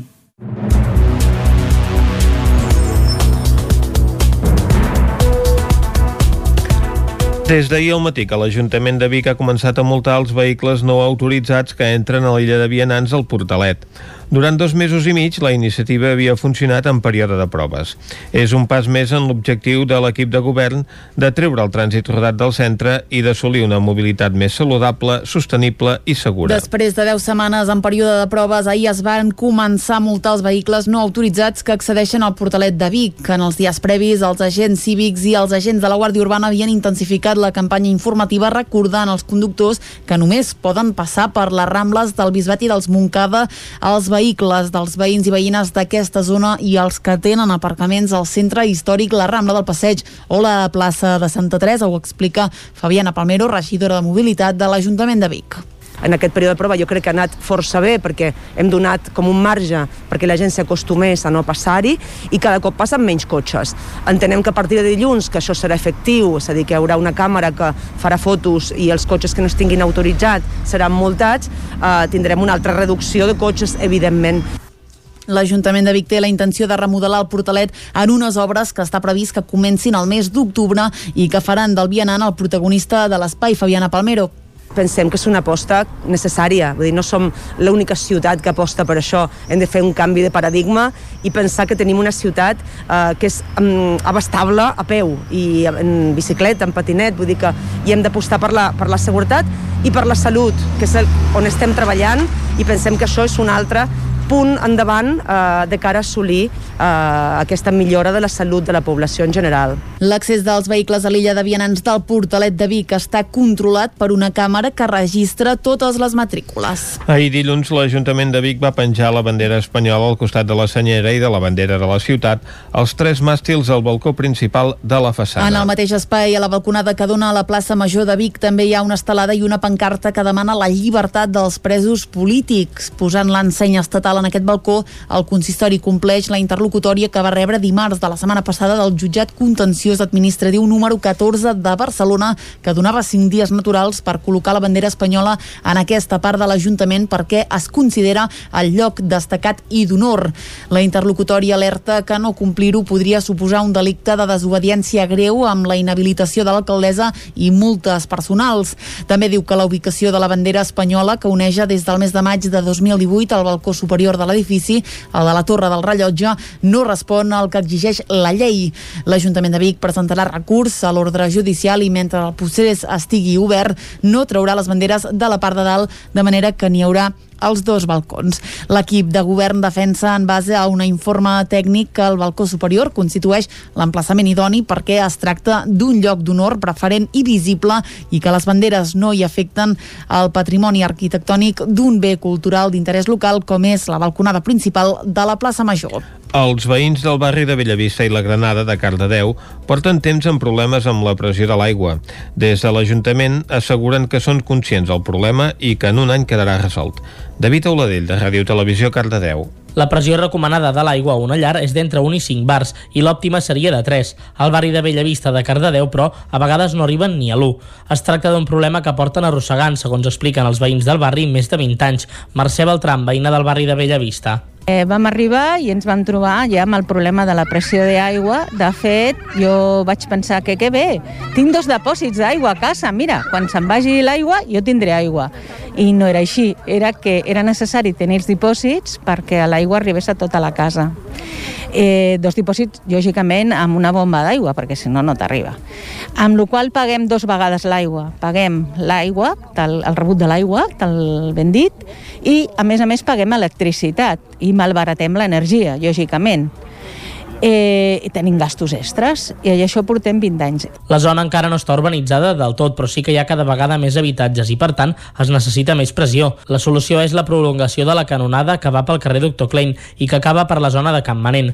Però quin ha d'assumir el cost? En principi s'esperava que quan s'urbanitzés aquella zona el problema quedés resolt, però de moment no s'hi està construint res.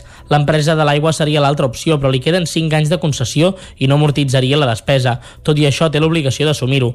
Des del consistori asseguren que ja han demanat un informe a l'empresa i que arribaran a un acord perquè quan acabi la concessió hagin pogut amortitzar els costos. Miquel Pujades, regidor d'Urbanisme i Obres. Al final l'administració ja sabem tots que peca de lentitud, però pensem que potser en un any, en un any, des de que ara ja farem la, la, la petició expressa de la, del projecte executiu de la canonada, tenir-lo, el, el tràmit eh, urbanístic de poder aprovar una servitud de pas per uns, per uns camps encara estan avui no desenvolupats urbanísticament, però que igualment per l'interès general i un servei públic eh, la canonada pot passar, com bé passen també per altres jocs canonades de, del gas o línies elèctriques, doncs el mateix.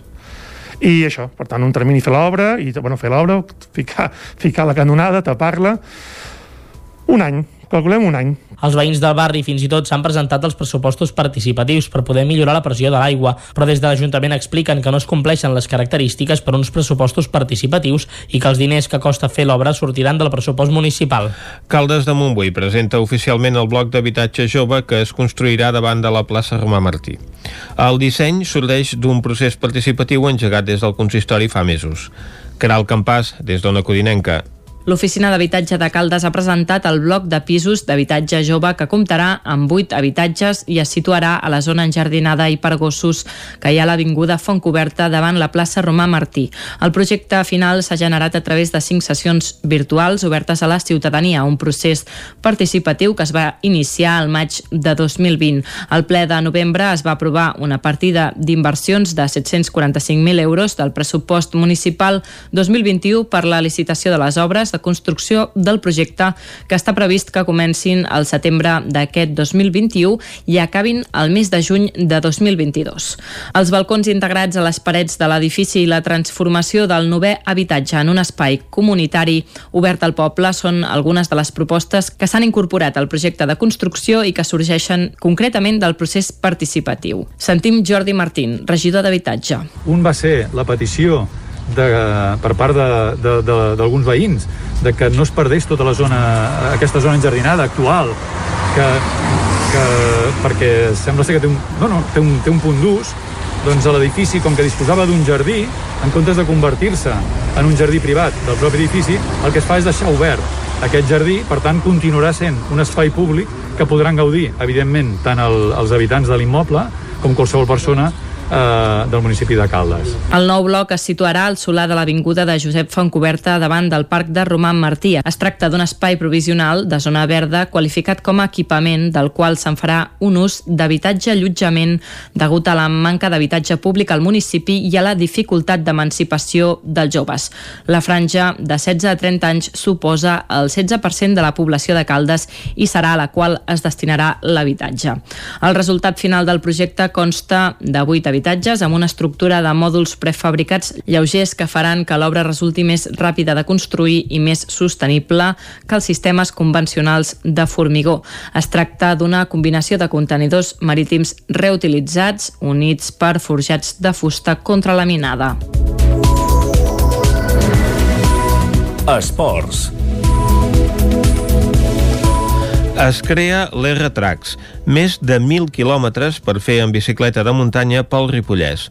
Isaac Muntades, des de la veu de Sant Joan. Tres atletes força coneguts del Ripollès, com són el ciclista Can de Manolenc Joan Llordella i els dos corredors de muntanya ripollesos, Aleix Fàbregas i Marc Carós, han impulsat la iniciativa R-Trax, que pretén donar a conèixer més de 1.000 quilòmetres per recórrer pels senders i camins de la comarca del Ripollès. Els tres atletes han dissenyat rutes per tots els nivells i fins i tot recorreguts de gravel i bikepacking. Aquesta iniciativa la van arrencar el novembre de l'any passat. Les rutes es poden descarregar de manera gratuïta a través de la seva pàgina web i actualment hi ha 24 recorreguts disponibles que van dels 20 als 50 quilòmetres. Hi ha 8 rutes de nivell mitjà, 7 de nivell alt i 9 de nivell molt alt. Recentment hi han afegit la ruta Super Sants, un traçat de 52 quilòmetres i 1.900 metres de desnivell positiu que enllaça les 10 ermites de Can de Bànol. Cal destacar que el terreny és molt exigent física i tècnicament amb molts corriols, sobretot en baixada i algunes pujades dures. Els impulsors de retracs han començat fent una etapa de condicionament dels recorreguts que ha inclòs la neteja de molts camins, la recuperació d'alguns trams perquè s'hi pugui passar en bicicleta i posteriorment tota la gravació dels tracks de les diferents rutes i categorització i la seva publicació. Ampliant un pèl la frontera que limita el Ripollès, també han dissenyat unes quantes rutes de gravel. En total hi ha 10 recorreguts circulars i sens dubte també destaquen els tres recorreguts de dos dies que han creat per endinsar-se al món del bikepacking, tots ells amb sortida i arribada a Ripoll.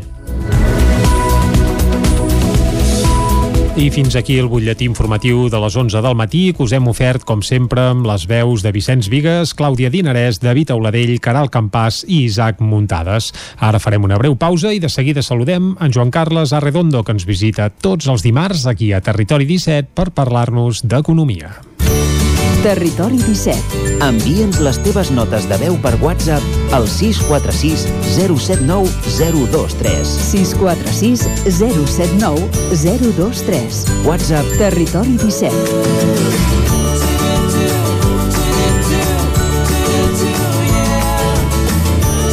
Territori 17. Som a Facebook, Twitter i Instagram amb l'usuari Territori 17.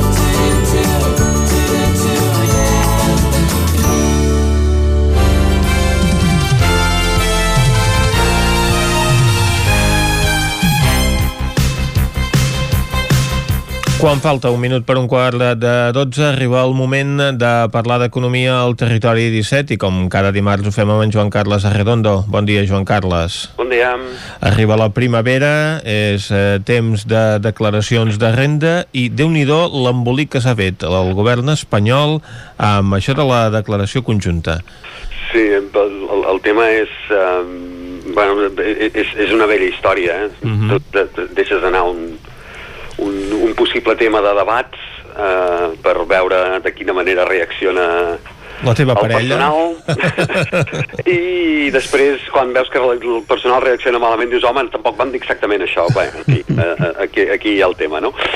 eh, efectivament estem en, en plena campanya d'impost sobre la renda de les persones físiques IRPF o pels amics mm, més, més íntims la renda, no? Ah, Eh, exacte. vaig, vaig a fer la renda. I aquest any havia d'estar marcada per la més que previsible destralada que suposarà per persones que, sense haver-ho demanat, eh, es van veure afectades per procediments de regulació d'ocupació, eh, el cèlebre ZERTO.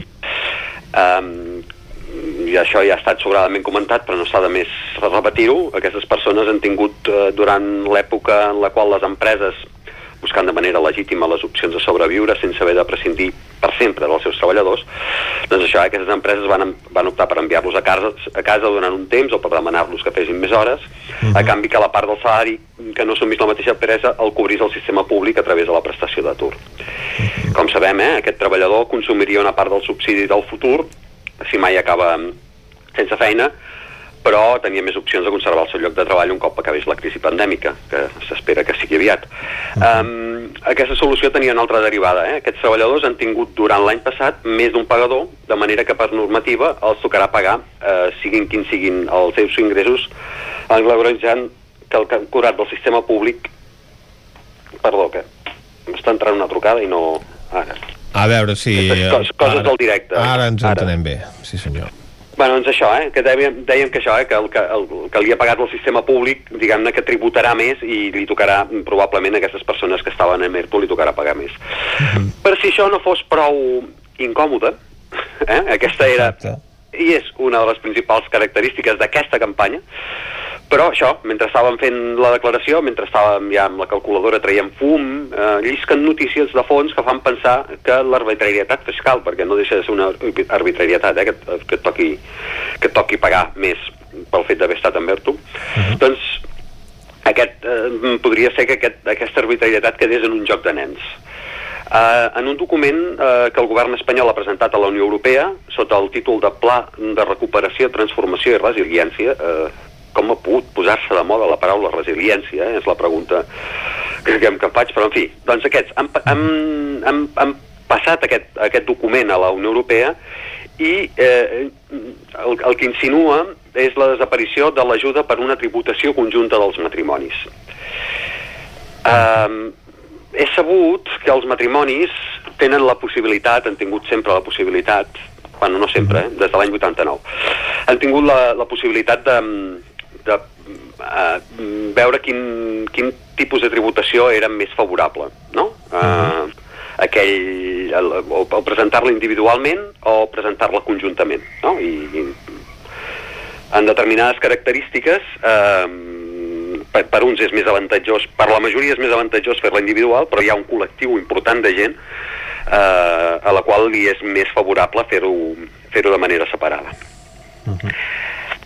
Estem, el, el que explicàvem al principi, eh? l'esquema de tot plegat ha sigut aquest, eh? es presenta un document a Brussel·les, alguns detalls transcendeixen i es fan públics, el rumor passa a ser informació, i de rumor passa a remor de crítiques que porten finalment a un desmentit per por d'impopularitat, agreujada per la proximitat d'unes eleccions com les que hi ha a Madrid.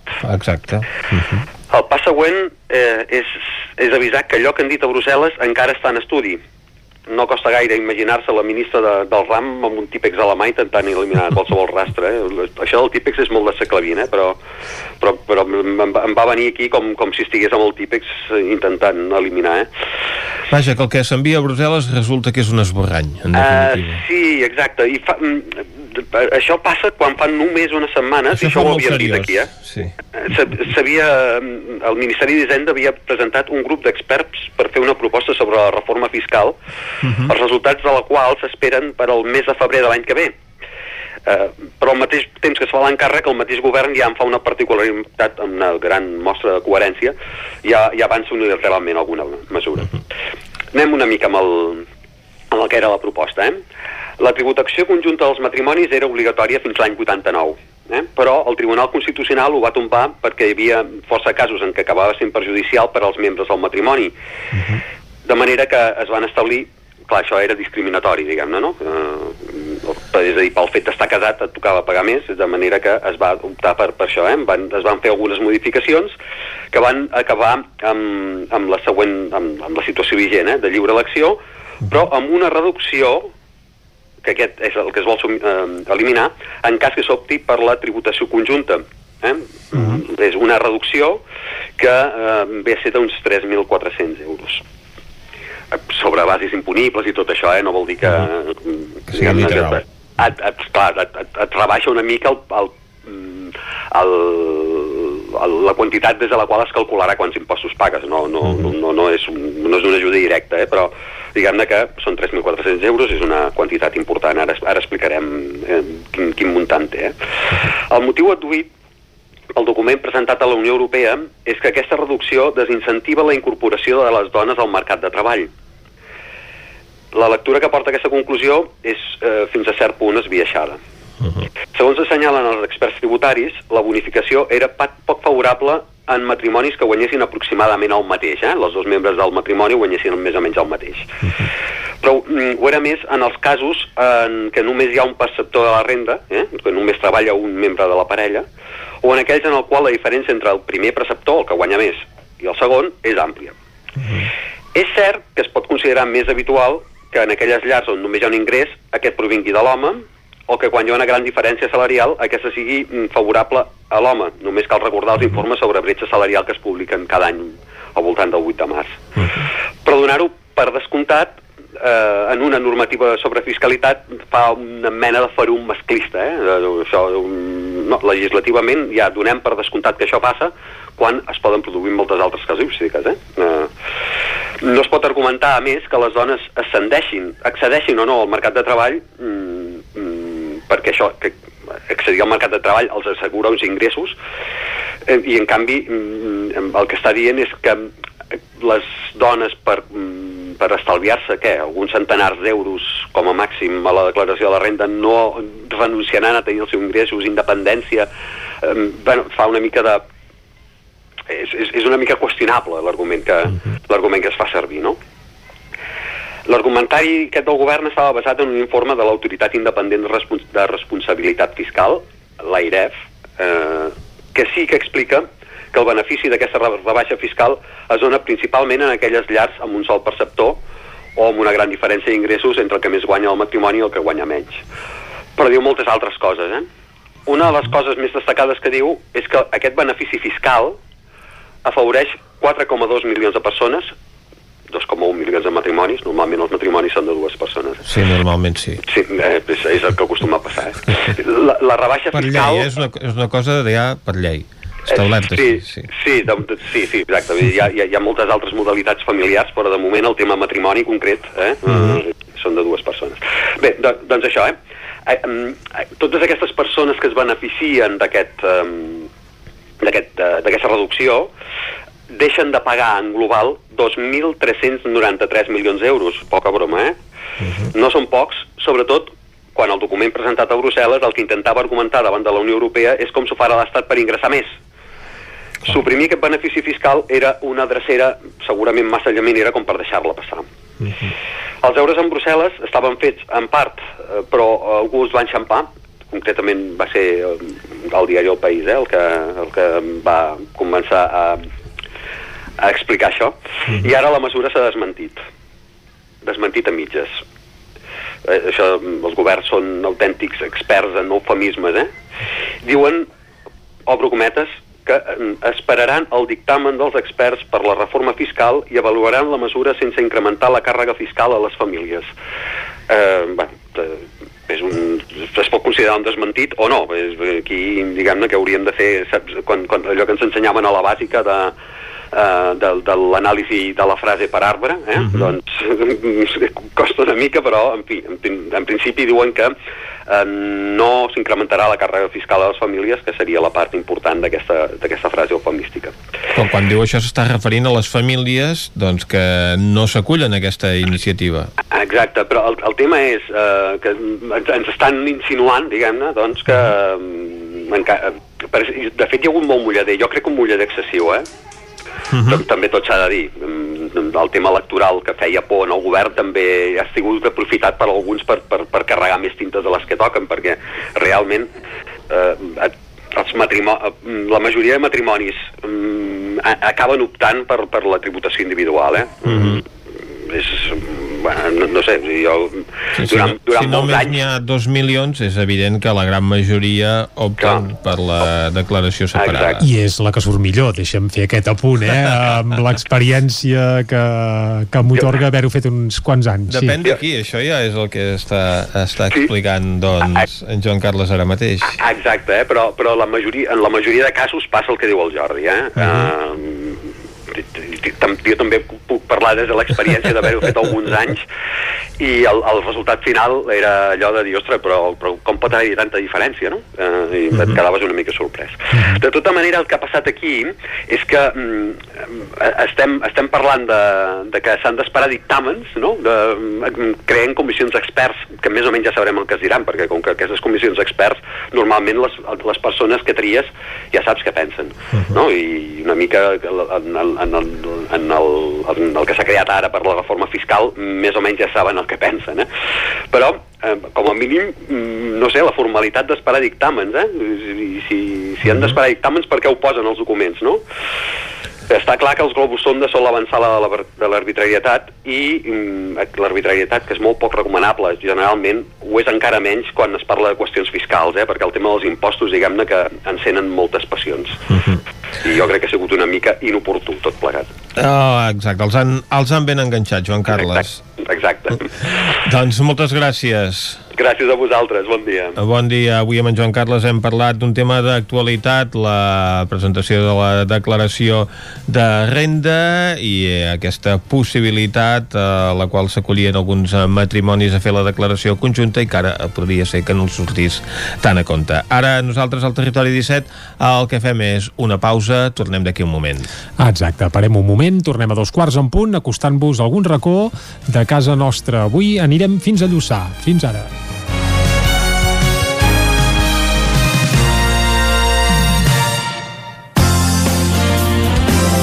El nou FM, la ràdio de casa, al 92.8. Xalant, moda i complements. Nova temporada primavera-estiu. Moda home-dona, nen-nena, sabates, bosses de mà, maletes, complements i molt més. Vine a veure, ens trobaràs una secció d'ofertes amb roba de la temporada passada a 10 euros i 19 euros. Vine a Can Xalant, ens trobaràs al carrer Sant Tomàs número 6 de Call d'Atenes. També a Instagram i Facebook. A Corretja tenim tot el que necessites per la teva llar. Tot tipus de paviments i revestiments, sistemes d'aïllament, cobertes, parquets, aixetes, ferreteria, pintures, fixació i cargoleria, vestuari i material de seguretat. Disposem de més de 3.500 metres quadrats d'exposició amb una nova zona exterior d'aïllaments. A Corretja som especialistes en cuines i banys. Us assessorem, dissenyem i realitzem el projecte des de l'inici fins a la fi del muntatge. 100% cuines, 100% banys. Al carrer Mas Vigues 8 de Vic, a corretja-sl.com o a Instagram. 100% materials per la construcció i la decoració. 100% corretja. Hi ha sensacions que són úniques. Aquell bany relaxant, mirar per la finestra quan plou i com les calderes Bailand, que li ofereixen fins a 15 anys de cobertura total amb el servei tècnic oficial Bailand. Informis a Oficiat Nord trucant al 93 886 0040. Amb el servei tècnic oficial de Bailan, la seva caldera estarà en les millors mans. Amb Pradell estalvio energia i cuido la meva butxaca i el medi ambient. Posa't en mans de Pradell. Són experts en calderes de gas i condensació, estufes de pèl·let, energia solar, terres radiants, geotèrmia i aerotèrmia. Pradell instal·la calderes de biomassa per a particulars i per a empreses. Si vols estalviar un 50% en consum, contacta amb Pradell i passa't a les energies renovables. Pradell som a l'Avinguda Països Catalans 27 de Vic. Telèfon 93 885 1197. Pradell.cat. El Sabater. Reparació de calçat al moment i còpies de claus de seguretat i de cotxe. Esmolem tisores i ganivets, cosim pell i cremalleres, arreglem articles d'alpinisme i canviem soles de botes i sabates de muntanya i running. El Sabater. Som a la plaça Cris Rei número 1, al costat de l'església de Dalt Vila, de Manlleu. Telèfon 677 45 46 01. La Cakery. Pastissos personalitzats, galetes, cookies, brownies i molt més. Ens trobaràs a Vic, al carrer de Gurb 34 Baixos, al telèfon 93 886 70 51 i també a Instagram i Facebook. El nou FM, la ràdio de casa, al 92.8.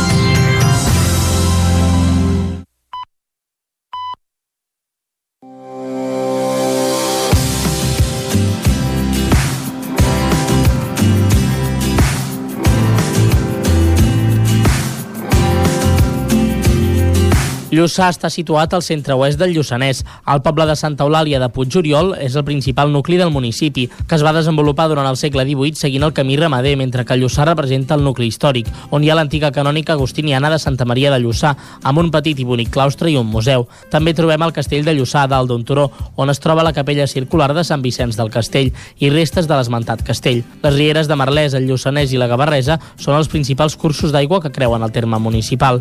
Del castell de Lluçà, a l'actualitat només en resten un mur al costat nord de l'alçada de dos pisos i amb una finestra i dues estances al costat sud de planta rectangular. La més gran tenia una volta de canó, avui esfondrada, i s'hi poden veure dues portes que porten al pati del castell. La sala més petita sembla que era una cisterna, ja que s'hi accedia pel sostre. És coberta amb una volta de canó feta amb lloses. Se n'han conservat altres murs molt fragmentaris que permeten suposar que era de planta quasi triangular, adaptant-se a la topografia del terreny. Aquestes restes es daten dels segles XII i XIV. La consagració de Santa Maria de Lluçà va ser duta a terme pel bisbe de Vic el 22 de maig de l'any 905. Estava formada per una nau amb un petit creuer, en la qual hi havia un absis central i una absidiola a cada extrem. Cap al 1170 i el 1190 ja es va fer una reedificació. La nova església es va construir sota un mòdul romànic. Hi havia tres altars de l'absis principal i dues absidioles laterals dedicades a Santa Maria, Sant Joan i Sant Miquel. Es va convertir en un temple més gran que amb moltes modificacions és el que ens ha arribat als nostres dies. Santa Eulàlia de Puigoriol neix al segle XVIII i es forma durant el segle XIX com a nucli de població. El bisbe va decidir que es construís una nova església en el nucli. No es va complir l'ordre i es va ampliar la vella, però finalment, l'any 1855, la nova església estar llesta. Se li va concedir la categoria de parròquia i es va abandonar la vella. Com que el nucli va ser construït al voltant d'un camí ramader, ens trobem amb un poble llarg i prim amb cases a banda i banda del carrer Major. Al carrer Major trobem uns quants detalls molt interessants. A les cases més antigues podem veure llindes amb les dates gravades i la majoria són del segle XVIII.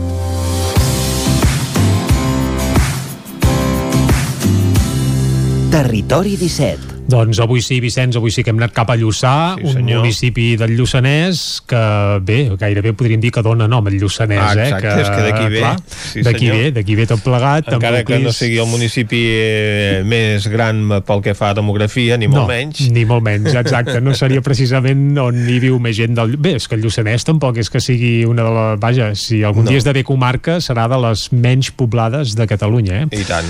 Però, però bé, uh, escolta, temps al competència amb el temps. Priorat, sí senyor. Uh, anem ara a la R3, va? Una R3 que no passa pel Lluçanès, perquè de moment el Lluçanès no té tren, com tampoc té comarca, però vaja. Nosaltres, com cada dia, anem cap a la Trenc d'Alba. Som-hi. A Trenc d'Alba, edició pandèmia. Ara sense els usuaris que ens explicaven les seves desgràcies a la R3, però amb els mateixos retards i problemes de sempre. Benvinguts a Tren d'Alba. Des del col·lectiu Perquè no ens fotin el tren ens recorden a través de Twitter que si d'aquí a 5 dies es restableix el servei ferroviari al tram nord de la línia R3 entre Ribes de Freser i la Tour de Carol en Veig, que es va haver d'aturar per les obres del túnel de Toses, hauran estat gairebé un any sense servei ferroviari, un fet que significa una incomunicació ferroviària important pel nord del Ripollès i de la Cerdanya. Des d'aquesta plataforma recorden que l'R3 connecta en la seva estació de destí final, la Tour de Carol, amb tres línies de trens francesos, el tren groc, el Ter, la Tour de Carol Tolosa de Llenguadoc i el tren de nit que va fins a París. Per tant, la mobilitat transfronterera també hi guanya. Ara bé, van tornar a recordar que aquestes tres línies i l'R3 no estan coordinades pel que fa horaris i que Rodalies no informa de les correspondències. És per això que es va demanar a Rodalies que facilités la mobilitat transfronterera de l'R3 amb horaris, esquemes de línia, plànols, megafonia, una web i una aplicació. Va, que no és tan difícil, home. Ens retrobem demà amb més històries del tren i de l'R3. Territori 17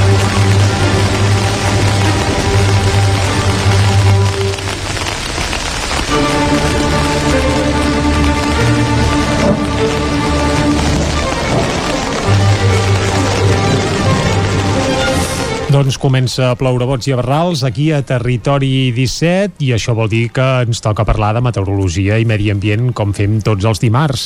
I avui, com que és primer dimarts de mes, Vicenç, ens toca fer balanç del mes que hem deixat enrere. Sí, senyor. Un abril que, si més no, en la part final del mes sí que ha fet honor allò de l'abril gotes mil i que jo, a cop d'ull, tinc la sensació que segurament ha estat un abril més fred del que seria habitual, però com que estem en temps d'escalfament global i canvi climàtic i, i sempre sembla que fa més calor del que tocaria, doncs qui ens confirmarà o no aquestes sensacions és en Manel Dot, que ens visita un cop al mes per fer precisament això, deixar eh, clar uh -huh. quin ha estat el balanç meteorològic del mes que ja deixem enrere. Per tant, Vicenç, ja el saludem a Manel, oi? Sí, senyor, bon dia, Manel. Molt bon dia a tothom. Si ara en Manel ens diu que el mes eh, d'abril ha estat més calorós a la mitjana, diríem que és culpa del canvi climàtic, i si ens diu que ha estat més fred, said també direm que és culpa del canvi climàtic També, i que hi ha això més tot- tot és culpa del canvi oscil·lacions i climàtic. que el temps es comporta de forma més anòmala. Però vaja, la sensació, eh, Manel, eh, per arrencar és que aquest abril ha sigut bastant fred, eh? La sensació i, I la realitat. I, i la realitat, sí senyor. Mm -hmm. eh, doncs el podríem classificar com a, a plujós, bueno, plujós entre cometes, ara us tocar al especificarem. final, no? Mm -hmm. Sí, però i fred, fred sí. Fred pràcticament Molt. ha estat un grau per sota de la climàtica. Déu-n'hi-do. Sí, Això és la, molt. la mitjana, per exemple, aquí a la plana de Vic ha estat de 10,7 i eh, la, la climàtica és de 11, va, 11 amb 5, 11 amb 6 o sigui, Mhm. sí, ja ha estat més fred és la sensació i la realitat que ho ha estat eh, des del 1900, crec que era el 1912 Uh -huh. n'hi havia apuntat sí, do, no, perdó, del 1912 des del 2012 que no Mhm. havia estat un mes tan fred a, a l'abril I que sí Déu-n'hi-do. Doncs, eh, un mes de rècord, sí senyor, aquest abril. Sí, bé, no hem de rècord, però, però ha fet fred, sí. Uh -huh. Eh, això, destacar el que deia de la pluja, la pluja ha estat eh, molt irregular, eh, tal com deies ara, doncs eh, sí que cap al final, doncs, eh, eh, els últims, uh, última setmana... Home, l'última setmana plovia cada dia. Ha set pràcticament cada dia, sí, sí, fins ben entrada, bueno, fins ara al, al maig, i eh, és on va caure doncs, la, la principal pluja, no?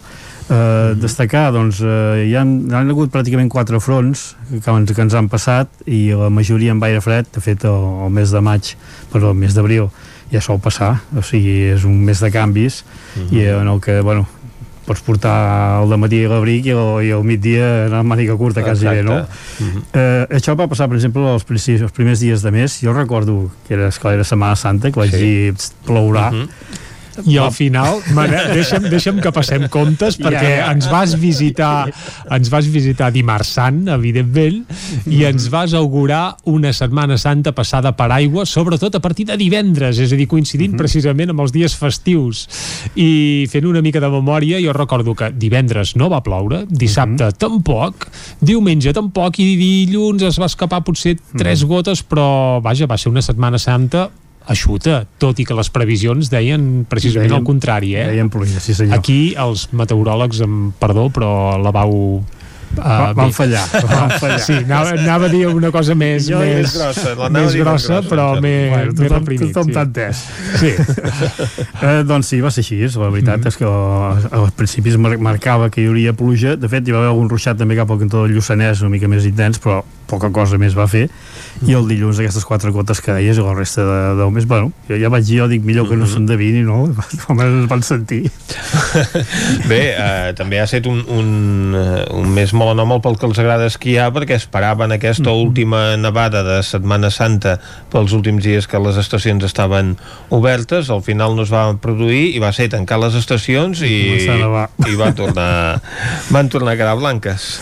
Sí, eh, d'aquestes eh, 3-4 perturbacions que van passar, eh, et dic amb aire fred, eh, el primer, bueno, va haver enruixat, per exemple, el 6 i el 7 i va enruixat poca cosa, eh, va agafar més i, i, i temps fred cap més cap a la banda de la costa que, que no passen aquí, i entre el 9 i 11 una primera perturbació i força activa que va deixar doncs pluges home, entre els 20 i els 30 litres per metre quadrat per exemple a Vidrà en van caure 37,4 a Viladrau 24 um, això va ser doncs eh, entre el, bueno, pràcticament va ser el dia 11 uh -huh. aquesta perturbació amb una mica d'entrada d'aire fred i destacar per exemple eh, entre el 12 i el 14 va estar més tranquil però entre el 15 i el 16 una segona perturbació aquesta eh, amb entrada d'aire fred fred també eh, va deixar doncs, una, també una bona llevantada no?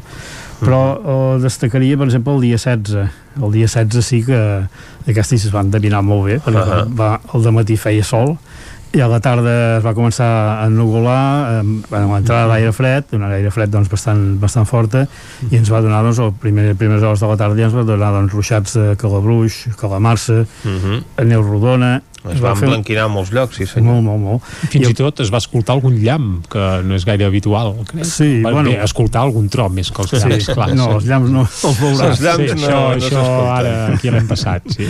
els tons sí que els sentiràs. doncs eh, aquí sí, i, bueno, i al final va acabar nevant i amb cotes, per exemple, de 700-800 metres o per exemple el punt que em va caure més devia ser hi ha la cota 900.000 aquí a Muntanyol que n'hi va fer 7 centímetres i mig Uh -huh. i el cantó de, per exemple, de Collsospina El sud d'Osona fer- també- sí. va, va agafar sobretot el més el sud d'Osona entre la banda sud i sud-oest Sí, el Moianès, Mm. també a la part Sí, est sí. del Moianès, també, Sí, sí, sí, com sí. deies, de La part de Collsospina, Collsospina, etc. com dèiem ara mateix, efectivament. I en canvi, doncs, cap en amunt el Cantó del Ripollès doncs, no va fer tant, tanta Mm. cosa, va agafar més la banda sud, venia més de la banda sud. O sigui, això és un xoc de masses, entrada d'aire fred i una de camperia de, de baix, eh, de, de la Mhm. banda sud, i va, va provocar doncs, aquesta, aquesta No, un fenomen aquestes- molt inusual perquè eh, així de, bé, en pocs minuts en definitiva va quedar va quedar tot blanc i precisament això en cotes més al, al sud de la comarca d'Osona i no pas en els punts més elevats. Bueno, és el que té eh, Catalunya i sobretot el que és la, o sigui, que és Plana de Vic, el cantó de, de dalt del Collsospina, uh -huh. el Moianès, també agafa part del Ripollès, la Garrotxa, en fi, que aquesta zona d'aquí doncs, és una zona doncs, eh, molt activa, meteorològicament parlant, i la Plana de Vic, bueno, ja no anem pas ni a discutir-ho, perquè ja ho sabem prou tots. Uh -huh. I Manel, Uh, aquesta, entre cometes, entrada d'aire fred i aquestes precipitacions van durar uns quants dies, però per Sant Jordi va haver-hi un parèntesi, eh? Ah, és a dir, que Sant. Pere des de dalt o qui sigui, eh, en aquest sentit sí que que va respectar la diada. Va ser un dia radiant, -huh. vull dir que va ser un dia molt maco i va respectar la diada, sí senyor. Eh, de fet, no ens podem queixar, Setmana Santa tranquil·la, Sí. el dia de Sant Jordi també, vull dir que Exacte. però eh, bueno, va agafar doncs, cap a finals de mes eh, un cop passat aquesta fredura bueno, un cop passat aquesta pertorbació que dèiem ara cap a mig mes eh, doncs el dia 16, doncs a partir del 16 això crec que era divendres el dissabte ja, esclar, es va netejar el cel, uh -huh. encara quedaven restes de nuvolades, ja va baixar alguna sota zero i sobretot el diumenge, el diumenge va fer una, una glaçada però típica d'hivern amb 4 i 5 sota Sí, zero S'ha carregat algunes, bé, més que nogueres, eh, algunes nous. És, és per la part que m'ha fet que, que em Vaja. toca de prop i ja aviso que en aquest sentit algunes nogueres aquest any hauran rebut. El sector de la ratafia Sí, ja ho eh, lamenta. És veritat, sí. No, no, és cert, perquè jo, jo en, tinc, en tinc dues, però depèn del punt, eh? Hi ha punts que sí que les va ben socarrimar, per exemple, eh, jo parlava amb el company de Dolors de Lluçanès, que n'hi té una i la té bastant lliure, vull dir que és bastant de cara, cara nord, i la va deixar ben cremada, vull dir, ben cremada, i em va dir, diu, en dos anys aquí no farà pas, no farà nous. En dos anys, no, no, en dos anys, va dir. I uh, jo tinc, per exemple, les que, la, la que tinc a casa a la guixa, doncs també la, la va socarrimar, n'hi ha dues, i en canvi les que tinc aquí a l'observatori que també n'hi tinc un parell doncs els hi va fer pessigolles. Vull dir que són, bueno, també Bé, hi ha uns arbres curiós. a davant que hi havia bastanta Depèn fulla lloc, i va no? tapar, depèn del lloc, depèn dels corrents d'aire. I algú que havia plantat les patates una mica abans del que tocava doncs les va deixar ben cremades Però això ja, això Sí, ja aquestes passa. gelades tardanes eh, ho tenen, això, eh? I amb Sí. les nogueres també també passa, no? que a vegades fins i tot al mes de maig hi ha alguna glaçada inesperada i llavors la flor, doncs, eh, malament. Sí, fa un parell d'anys també va passar, que recordo que vam arribar res, mig grau sota zero i, bueno, uh Mhm. -huh. clar, principis de maig era. I, en fi, l'abril té això i el maig també el té, no tant, però també el té, eh? Mhm. I s'ha de vigilar. Hi ha unes, unes de la, dels fenòmens també que hi ha, que a vegades n'hi ha, ja n'hi ha, per exemple, al febrer, bueno, al març, al març, finals de març, així que són, o sobretot el que és abril, Mhm. que són, la, o sigui, quan bufa vent, bufa vent sobretot el que és de, de nord, nord-nord-oest, doncs el que fa aixuga el terreny Mhm. i llavors es provoquen les, les, el que s'anomena gelades negres i això el que fa, doncs, a l'aixugar el terreny no hi ha humitat i el, el que és la gelada entra a dins del terra i es carrega les arrels de, de, de, les, de les plantes Uh -huh. això aquest any de moment no ens ha passat però... Aquestes són les pitjors. Aquestes són les pitjors, sí. O sigui, l'ambient, bueno, clar, té sec el terreny. Avui mateix, si algú s'ha estat al cas, doncs l'herba rejava d'aigua. Uh I no ha -huh. pas plogut. Hi havia unes rosades doncs, molt fortes. A vegades, a vegades assenyalen canvi de temps, eh, quan hi ha aquestes, aquestes rosades tan fortes. O, per exemple, bueno, en aquest cas, per exemple, el, el que és les formigues que generalment pugen al niu, Sí. Uh, bueno, les, les formigues estan molt ben organitzades i deuen tenir un material que, que els deu, els deu controlar també la, va, segur. també la va pifiar eh? perquè no l'han de pujar cap de ningú vull dir que d'aigua devia entrar doncs no, uh, conyes a part uh, les formigues també assenyalen el temps o sigui, generalment quan veus una formiga o sigui, un grup de formigues que van a pujar al niu sí. doncs senyalen que en dos o tres dies plourà És de quan es veuen aquells pilotets Sí, sí, de sí. sorra fina al costat d'un foradet, això vol dir que com el pilot més gros i més activitat de formigues, que està a punt de ploure. Sí, amb un parell o tres de dies t'ho endevien bastant abans, t'ho endevien, eh? Carai. Més bé que els homes del temps. Doncs potser més que, més que trucar-te amb tu, Manel, haurem d'anar a mirar formiguers eh, sí, per saber el temps que se t'ansa. Jo n'hi tinc algun, eh, allà a l'observatori, el controlo, eh? Ja. Però aquest any et dic, de moment no l'han apujat, poder perquè encara és fred o així, ja han començat fa poc, però sí, sí. O potser veuen que ara no ve aigua, potser, eh? però vaja, d'això en parlarem més endavant. Uh Mhm. -huh. uh, seguint repassant aquest mes d'abril, som ja al... Bé, cronològicament, evidentment anem fent salts, eh? però anaves a entrar ja l'última setmana, que aquesta uh -huh. darrera setmana sí que va ser uh, humida pràcticament cada dia, fent honor allò de l'abril gotes mil, eh? Doncs sí, i aquí acompanyats de tempesta. Tempesta, Mhm. mm -hmm. calabruix o calamarsa també en alguns punts, i aigua, doncs, déu nhi la llevantada que, o sigui, ens va ficar la pertorbació ben bé a baix a la, al que és a la Mediterrània, ens va enviar eh, aire humit, a més a més, i, eh, o sigui, més càlid, i amb el xoc de l'aire fred que, que ens va entrar, doncs, eh, estil de l'altra perturbació, va, el que va donar va ser ruixats i tempestes, algunes tempestes que, déu nhi també, eh, tot el que és entre, el, bueno, fins a finals de mes, fins al 30, doncs, eh, vàrem tenir, doncs, aquests ruixats i pluja de fet ben caiguda, eh? molt ben caiguda vull dir que... Semblaven de tardor, eh? No era allò aquelles patacades d'aigua, sinó que anava fent. Eh? Sí, sí, sí, típic mm -hmm. tardor, hivern, bueno, tardor més aviat tardor, més, més aviat hivern, perquè la Bé, tardor... o, o de les tardors d'abans o hiverns d'abans, perquè a vegades ja Hi ha hagut uns quants dies, però d'aquells que no ha fet ni deixat de fer perquè han caigut eh, molt pocs litres, no s'ha arribat ni tan sols al litre, però durant mm. tot el dia ha anat fent aquell temps que, sí, sí, que empipa, no?, per la gent doncs, que ha de sortir al carrer o que treballen a l'exterior o que depenen del temps per la seva feina. I molta va caure de nit també, eh? La, Mhm. la part principal dels últims dies, o sigui, entre 29 i 30, ara no recordo exactament, Mhm. però va, que el que el 29 va caure molta de nit, de nit a matinada, i el de matí de, de l'any demà, però bueno, vull dir que molt ben caiguda, pluja molt ben caiguda, sí. Uh, parlem una mica de números. Uh, uh -huh. Manel, hem parlat de, del mes, de la pluviometria, però no hem dit xifres. Si ens situem en un abril convencional, hem estat en la mitjana, ha plogut més o ha plogut menys? Doncs eh, el títol de l'abril, jo deia, era fred i plujós, però entre cometes, uh -huh. perquè ha set pluges molt irregulars i hi ha punts que sí, que ha caigut eh, molta aigua, destacar, per exemple, la banda del Vidranès, amb 100, Vidrà amb 106 litres, Uh, a Vidrà sempre s'enduen sí, allò sí, que Siuret. són al podi pràcticament sempre, eh? Home, al cantó de, de Siuret, el que és uh, fins a dalt Cabrerès, uh, en deien l'orinal de Catalunya. Bueno, Carai. perquè ja, ja, agafa, ja agafa cap a la banda de, de, de la Garrotxa, que la Garrotxa és molt plujosa, i aquesta banda quasi ja toca, toquen allà, no? I sí que és dels punts que plou més. És que hi ha hagut punts on ha plogut molt i Sí, d'altres sí, sí, que sí, sí. pràcticament doncs, no, no hi han conegut i pràcticament pluges. ha caigut en un parell de dies eh? perquè el dia 11 va ser el dia 11 i el dia i a finals de mes, el 29 o 30 no recordo exactament doncs ha estat els dies que ha plogut més o sigui que eh, entre aquests dos dies ha estat eh, la majoria de la pluja no? uh a Vic per exemple ens n'han caigut 82 Uh, 79,2 de dalt a Bellmunt en canvi Centelles en caien 58,7 aquí no han arribat a la mitjana Vic sí que hi va arribar-hi. Perquè la mitjana quina seria d'un mes d'abril? la mitjana d'un mes d'abril, doncs, per Vic crec que és 60, 60 litres, 60, 61 litres per metre quadrat, la mitjana, i ja, el que si agafes el Vidranès ja passa, passa dels 100, vull dir que el Vidranès va anar, va anar justet, allà ja plou molt més en aquella banda d'allà. I en canvi la banda sud, tal com deia, doncs eh, 58,7 a Centelles, a Manlleu, per exemple, un 54,8, o sigui, va fer bueno, meitat pràcticament de Vic i estem a tocar. Vull dir que ha estat eh, pluja molt irregular, i en alguns punts sí que hem arribat a la mitjana i d'altres que no, no, no hi van arribar-hi. Sí.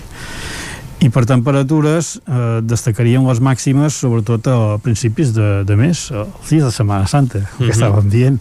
Màximes de 23 a 25 graus vam tenir. O sigui, uns dies doncs, que han set, han set la màxima del mes. Això és el que tocaria ara, no pas aleshores, no? Sí, sí, sí. Bueno, penso que per l'abril trobaríem algun 30, eh? segurament també. Mm -hmm. eh, eh, no ha estat el cas d'aquest 2021, no, eh? No, aquest no. No, no, no. no aquest ha estat fred. L'any passat va ser molt més calorós, el vam viure tots confinats, però mm -hmm. les temperatures van ser molt més elevades. Sí, no tinc ara les dades, però crec que sí que recordar que va ser un abril molt calorós. Eh. Mm.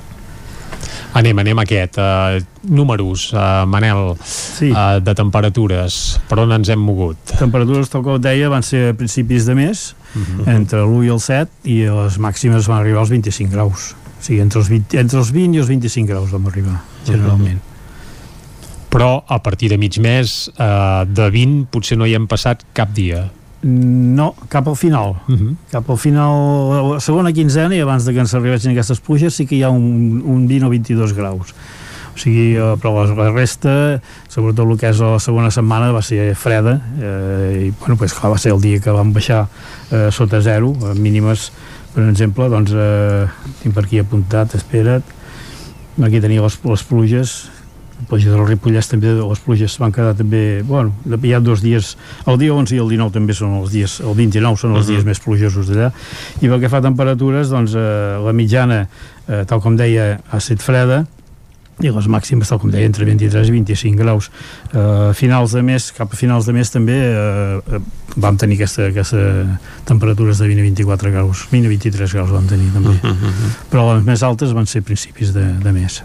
Uh, deixa'm comentar-te també, Manel, que un mes amb poques boires. A vegades a l'abril uh -huh. és mhm. allò que et, que eh, ho recordo, eh, que ens llevàvem allò emboirats i sí, a mig matí s'aixecava uh -huh. però tot i que ha plogut força i que hi ha hagut humitat, boires, boires poques, uh, poques. poques, poques. No les he comptades però podria dir 5 o 6 eh? no crec que n'hi haguessin gaire més també depèn del punt si agafes cap al cantó de o sigui el cas de Sau o fins i tot fins a tocar Roda de Ter, Matlleu segur que n'hi havia, havia tingut bastantes més però la resta no, poca, poca cosa en boira mm -hmm. Ara que cites Sau, els pantans els tenim bé, eh? Els pantans els tenim collonuts eh, no, no han canviat avui, m'ho mirava avui mm. i estava un 89% Sau que ha omplert bastant aquestes últimes pluges mm -hmm. que també ho ha fet a la banda del Ripollès doncs eh, ha omplert bastant i el que és a Susqueda estava pràcticament un 92% vull dir que... Mm -hmm. Vaja, que per tant aquest estiu no hem de patir per sequera uh, si més no... No cridem uh, gaire. La, no, home, en teoria hi ha, hi ha reserves, diguem-ne. Reserves n'hi ha, sí. El que passa que... que les reserves són pels de Barcelona i Girona, i pel, suposo. I també pels del Vallès Oriental, d'aquests també, també en veuen d'aquesta aigua del sistema Sau-Susqueda, però evidentment com que el desglàs s'ha avançat mm -hmm. per aquestes temperatures que comentàvem de principis de mes, doncs això ha fet que baixés més aigua cap als pantans. Mm -hmm. Sí, sí, sí, perquè va fer, va fer una bona desglaçada mm -hmm. i que més destacar destacaria més, ara m'ha marxat el sang al cel, hi havia una altra cosa bueno, mm, tal com deia doncs eh, el que és eh, temperatures ha estat doncs la mitjana va freda i, i on que és a precipitacions és molt variable Uh -huh. uh, evidentment ens queden 5 minutets i mm. també t'hem de demanar una mica doncs això, pel que ens espera futur, present i futur uh, pel maig diuen que cada dia un raig això també ho diu la saviesa popular però vaja, també ho deia de l'abril eh? i de moment des que ha arrencat el maig uh, de raig mm, Home, n'hem vist bé, el dia, el, sí. ja que comentàvem Clar, que el mes d'abril va deixar sí, celebrar-ho també és veritat, sí, el, la veritat és que l'1 de maig l'1 de maig va ser doncs, passat per aigua, és cert, és cert no... és que oblidem de pressa, eh? no es va poder celebrar ni tal com calia, ni les concentracions eh, pròpies d'aquesta festa, ni tampoc doncs molts aplecs que també se celebren aprofitant lo de maig. Mm -hmm. sí, va ser... que de fet ja no es poden celebrar alguns ells per les ah, circumstàncies ah, dir, també, també... sanitàries però que en tot cas és, aquest any si s'haguessin celebrat doncs hagués anat malament la cosa Bueno, no ens queixem, el dia, el dia de maig vam rebre, però el dia 23 d'abril va estar collonut. Sempre es queixem, Qui no es eh? conforma eh? és perquè no vol, eh? I, per cert, i sí. anem una mica a mirar, com bé deies abans, uh, com tenim el panorama per aquests propers dies, eh? Uh, S'acosten pluges, no? Tindrem dies de bonança. Uh, com... Vaja, quina és la previsió per aquests propers dies, Manel, així a l'engròs? Uh, a veure, uh, el que és avui, o sigui, la tendència de temperatures és en amunt, amunt, en general en aquesta setmana. Avui, el que és a la banda del Ripollès, a muntanya es podria escapar algun ruixat, hi ha una mica de front que, que frega, frega la banda nord i podria donar algun ruixat entre avui i demà però generalment eh, serà doncs, eh, temperatures altes fresques al matí perquè avui estàvem entre 2, 3, 4 graus positius al matí i en canvi ara al migdia passarem dels 21 segurament uh -huh. eh, i ahir es va fregar i bueno, es va arribar als 20 graus cap a la banda de Torelló i, eh, i aquí també vam arribar als 19 i pico o sigui, superarem, pràcticament cada dia puja un grau de temperatura Uh -huh. Ara, de tardes hi pot haver algun ruixat a muntanya, poca cosa. Això seria ben bé fins diumenge. El que no hi ha és inversió tèrmica aquests dies. Uh, no, alguna n'hi ha hagut, però no massa, no. Uh -huh. No, no, més aviat ha estat eh, doncs, temperatures eh, fredes eh, també de muntanya, les temperatures uh -huh. mínimes ara no tinc la de la Bellmunt però sí que estava 5 o 6 graus avui, no me'n recordo exactament ara i doncs, en canvi a, a baix era més freda Bellmunt ara mateix està a 12 graus i mig i la mínima, mínima 4,8 4,8, si no m'he equivocat de gaire mhm. -huh. i en canvi a baix era més freda o sigui, no hi ha inversió tèrmica, no hi era aquests dies mhm. -huh. i el que és temperatures tal com dic els pròxims dies, doncs eh, tendència a pujar un grau cada dia, les més altes segurament que seran entre dijous, divendres fins i tot dissabte uh -huh. i el diumenge sí que a la tarda ens, ens entra un front que podria donar ruixats a partir de la setmana que ve, o sigui el dilluns sobretot uh -huh. eh, quan que, que tindrem ruixats o sigui d'aquest mes que ve, aquest maig, aquest maig, eh, aquest mes de maig, la segona, a partir de la segona quinzena segurament que serem molt més actiu que no pas a aquests -huh. primers dies que hem tingut ara. Bueno, és a dir, que el dia a partir de diumenge veus caliu, diguem-ne, meteorològic, eh? em refereixo, és a dir, que sí. hi haurà moviment. Sí, sí, sí. I no d'un dia allò puntual, sinó que sembla que pot en perdurar uns quants dies. Sí, en principi dilluns ja comença. A veure uh -huh. si dura gaire ho veurem, però al principi uh -huh. sembla que hi haurà més ruixats a partir d'aquí a la segona quinzena que no pas la primera. Per tant, aprofitem aquesta setmana, aprofitem aquest cap de setmana que farà bo, uh -huh. fins diumenge a la tarda. Fins diumenge a la tarda. I, i prenem nota doncs aquesta possibilitat que ens dona el temps de gaudir de la primavera. -huh. Ara. Uh, Deixeu-me dir una cosa, això, això és primícia. A veure. Uh, o sigui, es va, us recordeu que l'última vegada us vaig dir que es havia celebrat el 100, el 100, el 100 anys de el centenari, i tant. Centenari de la meteorologia. Uh -huh. uh, S'ha fet un llibre uh -huh. uh, amb la història del, del centenari del servei, de, del servei i l'ha fet la, bueno, amb, amb la, o sigui, la Pilarín Vallès l'ha il·lustrat, il·lustrat no? uh -huh. i sé que a finals de mes es presentarà no sé exactament encara el dia però bueno, que ho doncs sapigueu estarem atents a, Home, a la presentació ens en farem ressò i evidentment per molts anys ja et felicitem també per aquest centenari perquè evidentment Manel en formes part i, i en majúscules eh? I la Pilarín gairebé perquè n'ha complert 80. Correcte, sí, exacte, sí, sí. exacte. Déu-n'hi-do, déu nhi déu Manel, doncs moltes gràcies per visitar-nos una vegada més aquí a Territori 17. Esperem el mes que ve a fer balanç d'aquest mes de maig. Aviam què passa. Aviam què passa. De moment ja ens has augurat que aquesta setmana tranquil·litat i bonança, però a partir de diumenge que s'acosten canvis, per tant no ens en refiem, eh? que, que no ve l'estiu ja, eh? que ah. encara queda, queda caliu encara. Sí, el maig és punyetero també. Sí, només faltaria que no, que no plogués, que no, convé per convé, passar convé. un bon estiu tranquil eh, pel que fa a l'aigua i també a l'estat dels boscos. Doncs vinga, tanquem aquí la pàgina meteorològica i nosaltres ara ja anem per fer la recta final del territori 17 d'avui.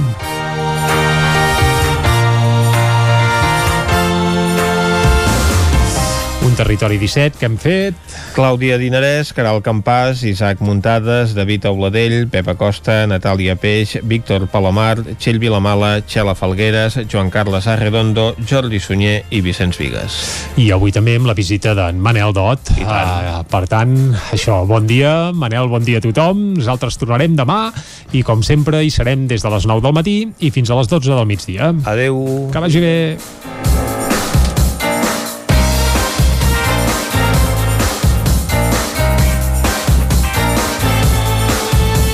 Territori 17, un magazín del nou FM. La veu de Sant Joan, Ona Codinenca i Ràdio Cardedeu amb el suport de la xarxa. El nou FM